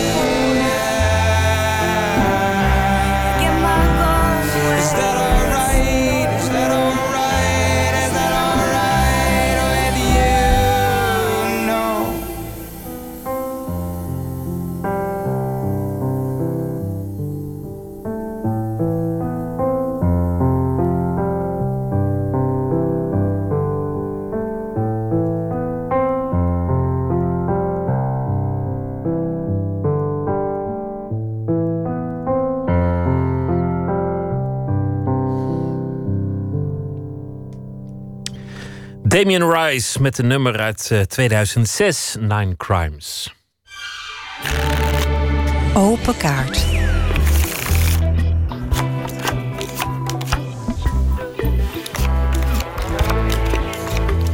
...150 vragen in een bak. Op elke kaart staat een vraag. En tegenover mij zit eh, Mo Samuel, Monier Samuel. Hij is uh, politicoloog, schrijver en journalist. En morgen, 3 mei, zal hij optreden op de Dag van de Empathie... georganiseerd door Stichting Nederland Wordt Beter. En uh, die stichting is gericht op het uh, bewerkstelligen van meer respect, empathie en uh, sympathie tussen de verschillende groepen in de Nederlandse samenleving. Mo Samuel, hartelijk welkom. Goedenavond. Wat ga je doen op, op die avond van de empathie? Um, ik wil een kruising doen van spoken word, cabaret en um, dans. Oké. Okay. Om het maar vooral niet te makkelijk te maken. Ik heb je ooit uh, zien buikdansen op tafel bij Pauw en Witteman. Ja, geleerd dat... van mijn vader. Voor het geval dat iedereen denkt dat alleen vrouwen dat doen. Oké, okay. en uh, dat was, uh, nou ja, toen, toen was je nog, nog vrouw in, in die tijd dat je buik danste. Ik ben altijd man geweest, maar biologisch gezien was ik vrouw en ben ik dat nog steeds. Want ja, ik heb nog steeds borsten. Je bent transgender, laat ik het, uh, laat ik het dan zo noemen. Ik ben genderqueer, laten we het zo noemen. Oké, okay, dat is wat je wil. Buikdansen wordt het dus waarschijnlijk? Of heb je een andere dans? Nee, het, um, het wordt contemporary dance. Um, maar het dans is natuurlijk een vorm, niet de inhoud. De inhoud is dat ik um, mijn zoektocht wil laten zien naar het omarmen van alle facetten van mijn, van mijn zijn. Dus mijn biculturaliteit, mijn binaire gender. Ik voel mij man en vrouw. Um, en dat in de dans en in de grappen die ik wil maken, wil ik laten zien dat mijn zoektocht naar mijzelf ook leidt naar de zoektocht naar de samenleving. Dus um, ik ging kijken van kan ik een Koord, een Turk, een Marokkaan, een Antilliaan en een Surinamer samenbrengen. En hoe praten zij en hoe klinken zij? Dus ik wil ook de geluiden van de straat nadoen. Um, in de vorm van echt alle accenten. En, um, en daarmee laten zien dat. Ik denk dat het grootste probleem dat wij hebben in Nederland is dat er zoveel angst bestaat. Angst voor het onbekende. En dat we vergeten dat die onbekende alleen bestaat bij de gratie van onszelf. Want ik kan geen ander zijn als jij niet anders bent ten opzichte van mij. Dus wie is dan anders? Ik of jij? Of zijn wij misschien allebei hetzelfde? En dat is de gedachtentruc die ik wil uithalen. Want ik denk dat onze samenleving één stap verwijderd is van prachtig harmonieus zijn. En dat is gewoon een doorbreken van angst. We zijn gewoon ongelooflijk bang voor elkaar en leven heel erg in ons eigen hokje. Wat, je, wat jij zegt vind ik mooi. Hè? Want jij zegt, um, mijn zoektocht naar mezelf is ook een zoektocht naar de samenleving. Mm -hmm. Dat is per definitie zelf. In, in jouw geval, je vertelt iets over jouw geaardheid, je man en vrouw zijn, of, of geen van beide zijn, of alle, allebei zijn. Uh, je houding ten aanzien van je herkomst, je afkomst. Ja. Er zijn natuurlijk samenlevingen waar jij alleen omwille van jouw uh, gender gevangen zou worden gezet, of gestenigd, of, uh, of, of, of geboycott. Ja, dat klopt. Maar als je in Nederland uit de kast komt op nationale televisie, word je uitgejouwd. Dat hebben we gezien bij Jinek. Dus wat dat betreft, ja, de wet staat aan mijn kant, maar staat de samenleving ook aan mijn kant? Als christelijk-Egyptische, Nederlandse, uh, biseksuele, genderqueer? I don't think so. Dus ik denk dat hier een heel erg grote strijd eh, te voeren valt, maar eentje die vreedzaam gevoerd mag worden, gelukkig. Jij, jij zegt we zijn één stap verwijderd van, van, van een samenleving Ja, ik vind dat Nederland echt een prachtig land. En ik begin Nederland steeds meer te waarderen. En het enige waarom. En ik heb het er vaak met mijn vrienden over, die zich ook niet thuis voelen in Nederland. En dan vraag ik aan hen. Ik voel me trouwens wel thuis in Nederland, maar veel van mijn vrienden niet. En dan vraag ik waarom dan? En dan zeggen ze: Het is een prachtig land. Het- heeft ons echt, het geeft ons zoveel. Maar dat ongemak, die onverdraagzaamheid, dat gevoel dat je altijd tweede rang staatsburger bent. En daar wil ik wat aan doen. Ik wil van dat wij-zij-denken af. Maar als, het, het hangt er ook vanaf wie je onder de samenleving eh, verstaat. Nou, de samenleving, dat zijn wij, zeggen ze dan zo leuk. Ja, maar als je onder de samenleving verstaat eh, de twitterende menigte, dan zijn we niet één stap, maar denk ik duizend stappen Dat van klopt, die maar Twitter is de, de afvoer, het afvoerputje van de Nederlandse samenleving. Dat is gelukkig niet representatief. Want, eh, maar Twitter laat wel zien ehm, welke extremen er in de samenleving zijn. En wat de functie is van die extremen. Namelijk, zij schreeuwen het luidst. Terwijl het gematigde midden, de redelijke, gewone, leuke burger, stil is. En in het politiek zie je natuurlijk hetzelfde. Dat verklaart ook waarom de PVV als nummer één in de peilingen staat. Dat laat gewoon zien dat degene met de grootste mond dit land proberen te monopoliseren. En de rest staat dat toe door hun stil zijn, door hun zwijgen. En dat zwijgen wil ik doorbreken. Mooi. Tot zover wat je morgen gaat doen bij de Dag van de Empathie. Nu wil ik je vragen om een kaart eh, te trekken en voor te lezen. Jou- jouw zicht is niet geweldig, dus als het niet lukt, dan, dan zeg je Ja, als ik haper, dan is dat niet omdat ik dyslectisch ben. Mag ik gewoon met de eerste kaart ja, beginnen? Ga, ga beginnen. Hoe vaak google je jezelf? Kijk. Dan is het allereerste vraag: welke mezelf google ik? Monique Samuel of Monier Samuel? Of Mo Samuel zou ook nog kunnen. Ja, dat doe ik dan weer niet. Maar ehm, nou, ik moet eerlijk zeggen, in het begin, toen ik eh, in 2011 heb ik het dan eens over, toen ik doorbrak ehm, op nationale tv tijdens de Egyptische opstand, volksopstand. Eh, toen googelde ik mezelf heel vaak, want ik gewoon niet kon geloven hoeveel er over mij geschreven werd. Maar ehm, ik heb afgelopen jaar tot nu toe mij niet, mezelf niet gegoogeld. Nee, geen behoefte aan. Uit zelfbescherming? Een tijd uit zelfbescherming en nu gewoon omdat ik het echt niet relevant vind wat mensen van mij vinden of over me zeggen. Of hoe vaak ik genoemd word. Want ik weet dat het zoveel is dat het echt, ja. Ik, ik, ik, ehm, ik was altijd verbaasd. Ik, ik googelde uit verbazing en verwondering. En toen volgens googelde ik uit angst. Weet je, bang voor wat mensen over me zeggen. En nu is het gewoon het is bij mijn leven gaan horen. Het is normaal. Het klinkt raar, maar zoiets kan dus normaal worden, bekend zijn. Ja, ik denk dat je jezelf niet te veel moet googlen. Want, want hoe vaak zou Barack Obama zichzelf googelen? En, en Nou, dat denk ik dus niet. Dan zou die echt geen, dan zou niet de president van de VS zijn, want dan heeft hij tijd niet- over. dan zou dit ook niet kunnen zijn. Want, want die krijgt zoveel over zich heen. Ja. In alle kanten op. Dat, dat is onbegonnen werk. Dan zul je ook nooit iets bereiken, iets groots. Bijvoorbeeld toen ik uit de um, kast kwam bij Jinek in eh, juni, heb ik mezelf niet gegoogeld. En zelfs als mensen mij links stuurden, dat doen ze vaak, gewoon onbekende. Van heb je gezien dat die en die dat en dat over je geschreven heeft? Wil ik het niet lezen, of het nu positief is of negatief. Omdat dit zo persoonlijk is voor mij. ehm, dat ik absoluut niet behoefte heb aan het horen van een mening van een ander daarover. Ik vind het wel interessant om alle de spin-off te volgen in de zin van de maatschappelijke discussie die het teweeg heeft gebracht. Want dat wilde ik. Maar om te zien wat mensen persoonlijk over Monier samen wil zeggen, nee, dankjewel, geen interesse. Was het makkelijker geweest als je het niet publiekelijk had gedaan? Als je, als je dat in de privésfeer had gehouden? Of als je misschien wel helemaal geen publiek persoon was geweest? Ehm, nou, het was niet makkelijk geweest, want juist in de privésfeer loop ik het meest tegen obstakels eh, op van onbegrip en onwil. Die zijn nog erger dan de twitteraars. Ehm, ja, minder grof, maar veel pijnlijker natuurlijk. Ik bedoel, een tweet kan mij niet raken. De woorden van mijn ouders wel. Ik ga een volgende kaart Ja, pakken. doe dat maar. Wat is het laatste boek dat je gelezen hebt? Nou, ik lees altijd vijf boeken tegelijk. Maar toevallig heb ik het laatste boek wat ik echt vandaag heb uitgedaan, uitgelezen... was Jin van Tofik Dibi, omdat ik hem interviewde voor mijn eh, eerste talkshow. Dus ehm, ja, de coming-out verhalen van, eh, van, van Tofik was heel pijnlijk en confronterend eh, om te lezen. Voor mij. Want je hebt hem zelf ook een beetje uit de kast gesleurd, mag ik wel zeggen. Nee, ik heb hem op het belang van het uit de kast komen gewezen. Maar het was voor Op mij. televisie. Ja, maar het was voor mij heel confronterend om te lezen. Niet vanwege dat, helemaal niet. Maar omdat ik zelf uit de relatie kom met een islamitisch meisje dat heel diep in de kast zit. En ik heb ehm, jaren geleden onder mijn eigen kast En mijn hart is echt gebroken daardoor. En vervolgens is mijn hart opnieuw gebroken door de kast van een ander. En op dit moment werk ik ook als coach voor LHBT-jongeren van islamitische afkomst. En de dingen die ik, de, problemen die ik tegenkom en de gevolgen, de psychologische gevolgen van een dubbelleven zijn zo schrijnend en, en maken me zo machteloos en woedend soms dat, uh, ja, dat, dat, uh, dat ik dit boek niet met droge ogen kan lezen in die zin. En ik leid met Tovik mee in die zin dat ik. Uh, echt begrijp waar hij vandaan komt. Uh, en ik ben heel trots op hem dat hij het nu gedaan heeft. Ik heb hem ook vandaag bedankt, omdat hij echt. Maar je hebt hem min of meer vult. voor het blok gezet, toch wel, op, op televisie, om, om, om uit de kast te komen. Je, je hebt hem in de ogen gekeken en gezegd: Kom, Tovik, zeg het nou maar. Ja, en als je, wil weten hoe hij daarover denkt, dan moet je de eerste uitzending van mijn talkshow kijken, die uitkomt online op de IDO had de International Day Against Homophobia en Transphobia, 16 mei. Maar ik wil nu weten hoe jij erover denkt. Want, want... Nee, dat vertel ik in dat, die uitzending, dus dat ga ik nu echt niet prijsgeven. Daar moet je slim in zijn. Mag je googlen? Ja, jij kan wel googlen op mijn naam. Ik mag jou nog googlen. Oké, nou, trek nog maar een kaart. Nou, deze is dan wel heel leuk getimed. Welke beslissing zou je het liefst terugdraaien?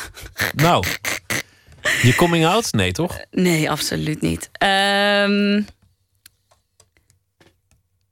als ik. Dit heb ik nooit in mijn leven gezegd. Maar ik bedacht het me afgelopen week. Als ik een beslissing zou terugdraaien, is het dat ik getrouwd ben geweest met een man. Dat is echt een beslissing die met alle liefde voor hem. Ik weet niet hoe hij hierover denkt en of het hem pijn doet of niet. Of misschien dat hij het ook vindt. Maar dat had ik achteraf echt niet moeten doen. En dat wist ik toen ook al, maar ik zag geen andere keus. Het ding met spijt is vaak dat je, dat je wat je hebt gedaan nodig hebt gehad om te komen waar je bent. Ja, zo voel ik het ook. Dus het is niet van, oh, ik heb zo'n spijt en het had nooit moeten gebeuren. Maar ja, als je dan een beslissing zou terugdraaien, dan is het wel die. En vooral omdat um, we allebei, denk ik, een paar jaar in een soort van gijzeling hebben geleefd. Hij omdat hij echt dacht met mij te zijn. En ik omdat ik niet met mezelf kon zijn en niet met hem.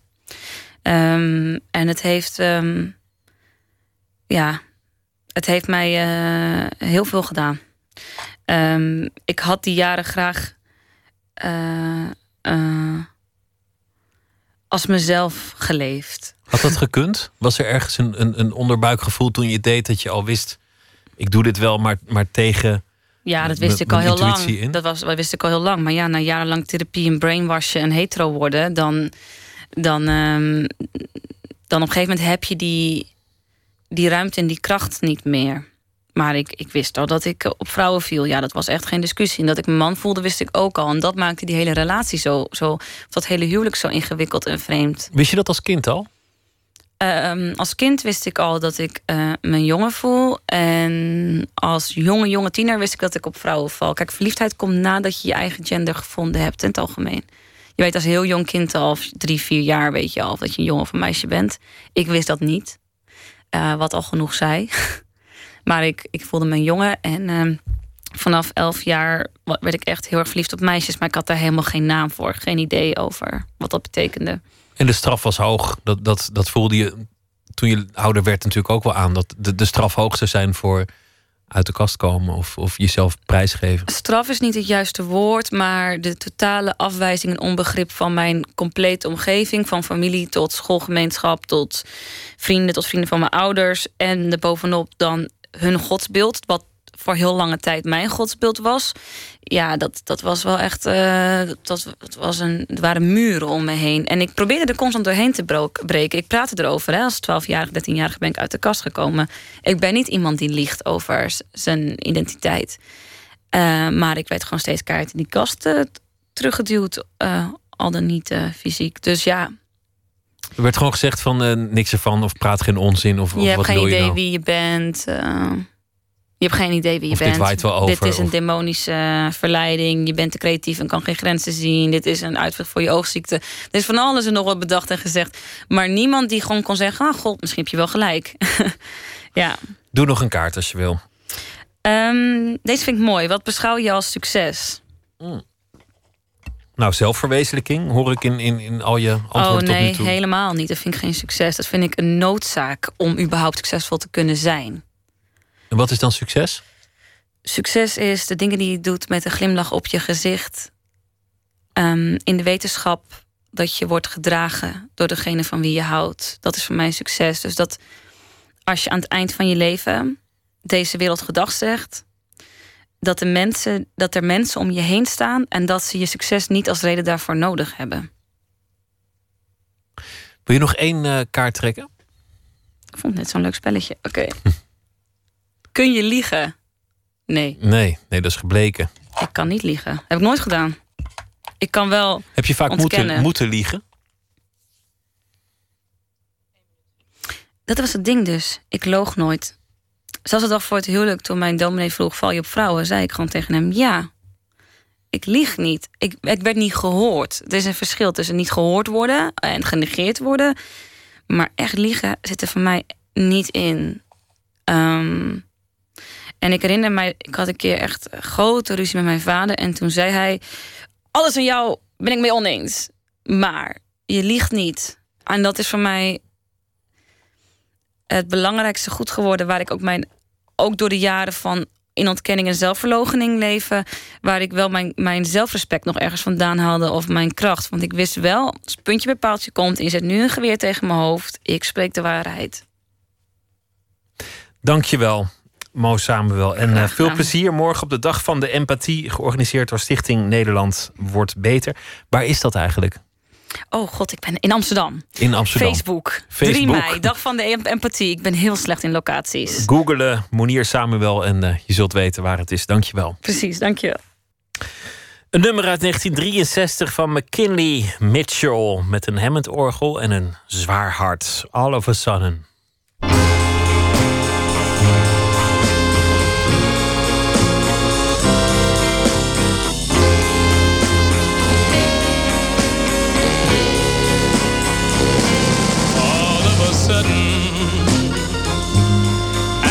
That blue feeling all of a sudden. It's spring. All of a sudden my heart sings the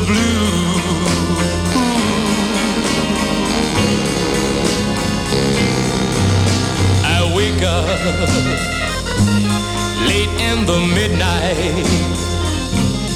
With my pillow all wet with tears stretch out my hand and I begin to feel oh I wonder where have you been so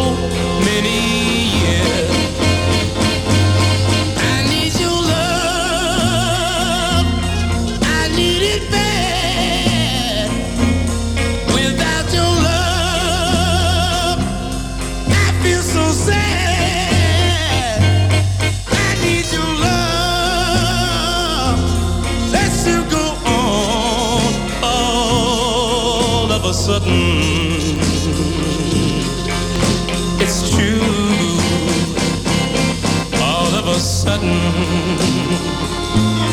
I got that blue feeling all of a sudden. It's spring all of a sudden. My heart sings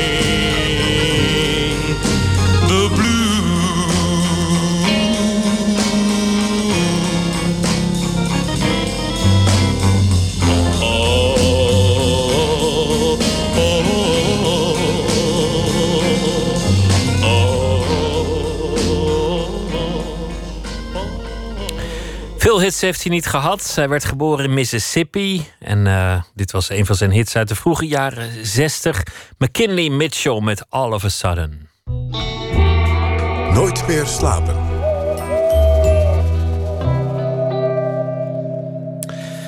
Een nieuw initiatief van filmjournalist Karin Wolfs en schrijver Anton Doutsenberg. Een crowdfunding-campagne voor een nieuwe prijs in de filmwereld. Het Brandende Kalf. Adinde Akkermans, nachtcorrespondent, goeienacht. Vertel eens, wat, wat voor prijs willen ze? Goedenacht, Pieter. Ja, het is een prijs voor eh, een filminitiatief dat je blik op de wereld verruimt, verandert of op zijn kop zet. En eh, een film die, eh, nou ja, die de filmwereld in vuur en vlam kan zetten, eigenlijk. Want films doen dat nu te weinig? Ja, volgens hen worden er veel te veel veilige en brave keuzes gemaakt, vol clichés. Weet niet of je je nog herinnert dat uh, eerder een pleidooi hield voor uh, meer vuur in de literatuur. nou ja, volgens hem is het met de filmwereld nog veel erger gesteld.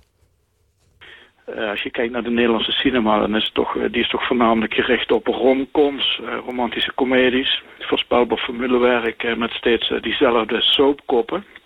Er wordt continu een knieval gedaan uh, aan het grote publiek. Ik vind dat uh, de Nederlandse film te weinig als een kunstvorm wordt gezien. Uh, en, en ook te weinig als een kunstvorm wordt gebruikt. En vooral wordt gezien als, een, als een manier om, om geld te verdienen. die eisen worden ook vaak gesteld natuurlijk aan films. voordat ze in aanmerking komen voor, voor ondersteuning van dienen ze het grote publiek. En dat is natuurlijk jammer.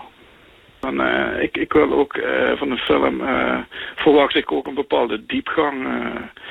dat ik aan het denken word gezet, op verkeerde been word gezet. Dat ik word uitgedaagd. En dat, dat is, vind ik, in een Nederlandse film onvoldoende aan de orde in, in grote lijnen. Ja, het brandende kalf, dat klinkt als een reactie op het gouden kalf. Nou was daar afgelopen jaar de kritiek te horen. Er was onder meer een producent die zijn film terugtrok dat de jury toch wel weer kiest voor de arthouse films en de artistieke films en niet voor de grote publiekstrekkers zoals Michiel de Ruiter. Ja, en in die zin kan je het natuurlijk nooit echt goed doen als uh, filmfestival. Maar Karin Wolfs, de filmjournalist en initiatiefnemer van, uh, van deze prijs, die uh, vindt dat echt de omgekeerde wereld, de kritiek. Als je leest van een, een kop in de krant, het gaat goed met de Nederlandse film, dan gaat het niet over de verbeeldingskracht of de, de nieuwsoortige verhalen die worden verteld, maar over het aantal kaartjes wordt, wat wordt verkocht. En dan gaat het over Gooise Vrouwen 2 of zo. Dan denk ik, dit gaat niet goed met de Nederlandse film. Het gaat goed met Linda de Mol. Ehm, dus de, ja, ik weet niet. Ik denk niet dat de enige opdracht is van film om, om geld te verdienen. Ik denk dat film juist ook heel belangrijk is als kunstvorm. En dat we dat nu aan het vergeten zijn. Nu steeds meer de nadruk komt op commercie. Bovendien sluit het een het ander niet uit. Je kan zowel geld verdienen als een interessant verhaal vertellen. Want dat vind ik zo opvallend. Er worden nu heel veel romantische comedies gemaakt, omdat dat een succesvol genre is in de zin van kaartjes verkopen. Terwijl ze echt dodelijk saai zijn, omdat ze allemaal hetzelfde doen qua uh, uh, ja, uh, schematisch opzetten van het verhaal. Dus het zijn allemaal dezelfde formulefilms. Terwijl je kan ook met een romantische comedie natuurlijk ook hele gave dingen doen. Waarom wordt die ruimte dan niet benut? Je kan natuurlijk nou ja, ook dat uh, genre weer op zijn kop zetten. Daar nieuwe dingen mee doen. Of mixen met andere dingen. Of daarin niet zelfs iets vertellen over wat er in de wereld om ons heen gebeurt. Wat zou de, de verklaring zijn dat de, filmwereld zo uh, niet vernieuwend, niet geëngageerd, niet spannend is? Ja, enerzijds uh, de bezuiniging in de filmsector, maar het heeft ook met cultuur te maken. Uh, Anton Duitsenberg vergelijkt het met uh, Denemarken en België. kleinere landen die toch gedurfdere films brengen, volgens hem. en daar is ook een soort grotere ideologische honger om thema's uit te diepen. Ik sprak ook even met filmwetenschapper Peter Verstraeten. Uit zijn onderzoek blijkt dat eigenlijk alleen in de beginperiode van de Nederlandse speelfilm echt veel geëxperimenteerd werd. Grof gezegd was dat de eerste lichtingstudenten die uh, afstudeerden aan de filmacademie uh, in de tweede helft van de jaren 60. Denk aan uh, Frans Wijs bijvoorbeeld. Die hadden op die academie gezeten en dan, dan wil je iets nieuws maken. En ze hadden voor een deel ook naar de Nouvelle Vague gekeken. Of ze keken naar Fellini-achtige films. En dat ja. deed bijvoorbeeld Frans Wijs. En zij gingen met heel hoge verwachtingen die films draaien.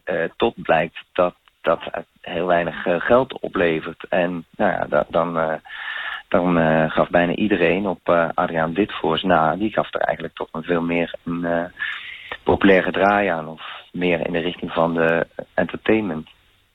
Het is ook wel moeilijk om het goed te doen. Want, want een ook veel gehoorde kritiek op de Nederlandse film is dat de zaal leeg zit en het zich nooit terugverdient. En er maar duizend bezoekers op zo'n film afkomen. Dus dat nodigt ook niet echt uit om het moeilijker en meer obscuur te maken. En ik vraag me dan ook af, welke film moet je dan die prijs aan uitreiken als de klacht is dat er zo weinig zijn? Ja, volgens haar moet dat er trouwens niet uh, toe doen, volgens Karin Wolfs. Uh, geld en uh, publiek. Kunst is er ook vooral om kunst te zijn. Maar toen ik haar vroeg naar films die de prijs zouden verdienen... nou, dacht ze aan de film Spetters uit 1980. Nou, dat is best wel lang geleden. Die was echt omstreden volgens haar. en na lang aandringen kwam ze ook met een recentere film... die brandend was. Luister maar. Die film heette Those Who Feel the Fire Burning. Die heeft het ITVA geopend. Maar die maakte eigenlijk gebruik van speelfilmelementen om een documentair verhaal te vertellen. En daarmee liet hij ons niet op de geëikte manier naar vluchtelingen kijken aan de randen van Europa, maar zette die echt ons in hun schoenen. En wij waren zeg maar de vluchteling in het bootje die door de ogen van de camera uh, eigenlijk verdrinken uh, op de Middellandse Zee. Uh, en dat is dus ook een beeld wat echt als een soort splinter in mijn brein nog steeds door mijn hoofd spookt. En dat ik niet direct ben vergeten op het moment dat ik de bioscoop verlaat. Wat bij heel veel escapistisch meer verstrooiende films wel het geval is. Die ben je vaak onmiddellijk vergeten. En ik zou juist ook graag meer films zien die je wat langer tot nadenken stemmen. Of die je bijblijven omdat die beelden zo goed doordacht zijn en indrukwekkend. Nou was dat ook een knappe film, Dozeville the Fire Burning. Maar die was notabene ook genomineerd bij de Gouden Kalveren dit jaar. Dus, maar goed. Het brandende kalf als reactie op de Gouden Kalveren... omdat de filmwereld te braaf zou zijn geworden... en weinig vernieuwend en uh, maatschappelijk relevant. Wanneer is het plan dat die prijs voor het eerst wordt uitgereikt? Ja, aan de vooravond van de uitreiking van de Gouden Kalveren in september... Uh, tenminste, als ze genoeg geld ophalen. Want uh, uh, ze hebben dus vandaag een crowdfundingsactie gestart. En ze staan nu op 1300 euro van de 19.000.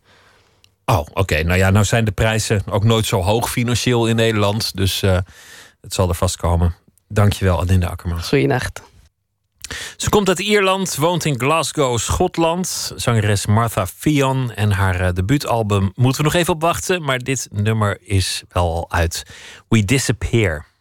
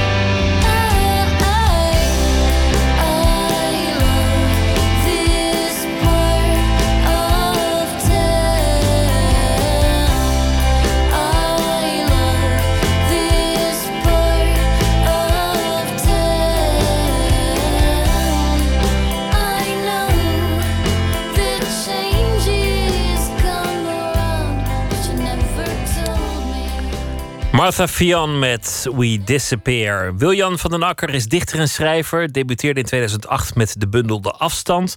Bekroond met de C. Buddingprijs. Daarna verschenen meerdere bundels, onder meer Hersenpap. Het uh, eerste gedicht deze week dat hij heeft uitgekozen is er een van Anneke Brassinga. En de titel is Berichten.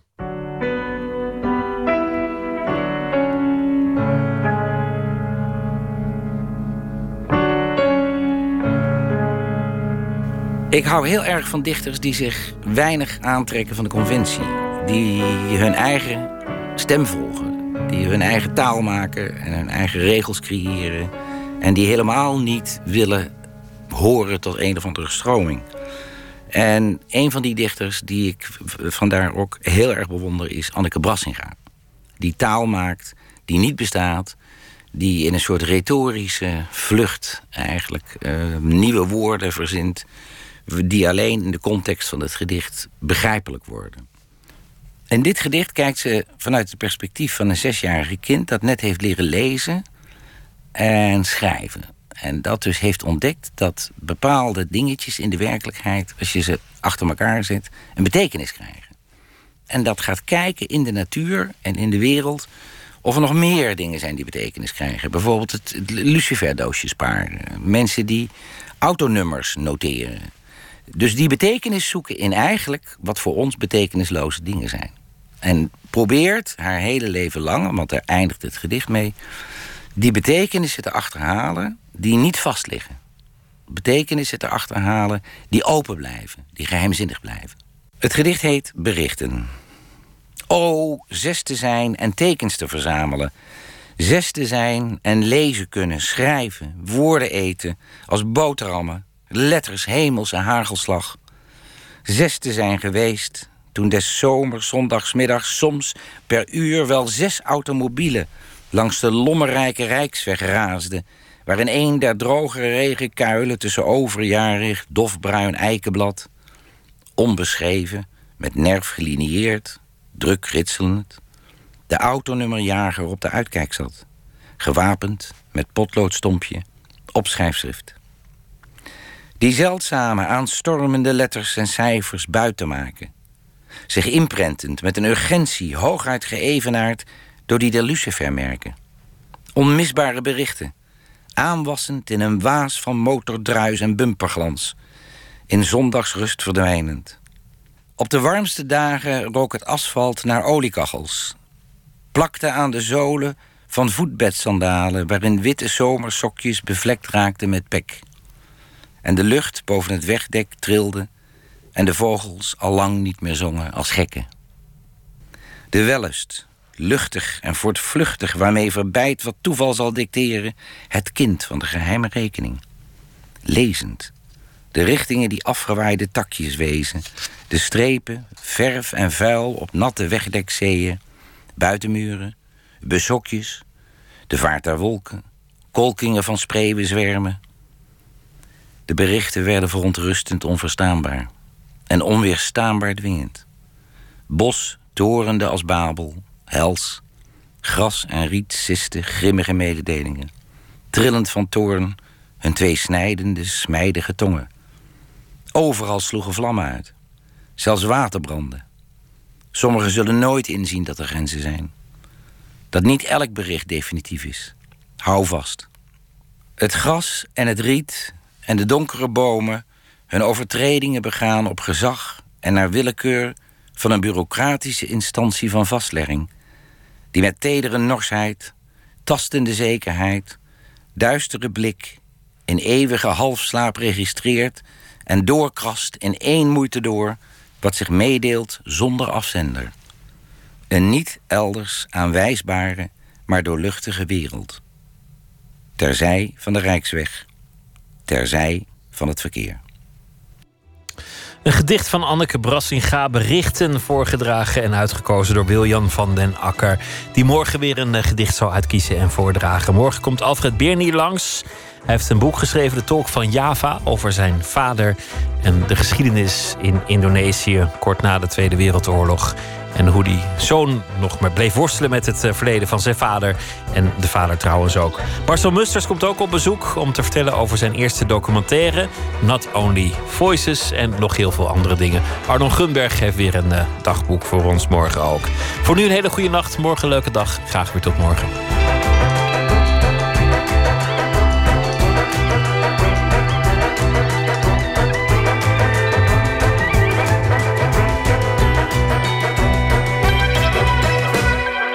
Radio 1, het nieuws van alle kanten.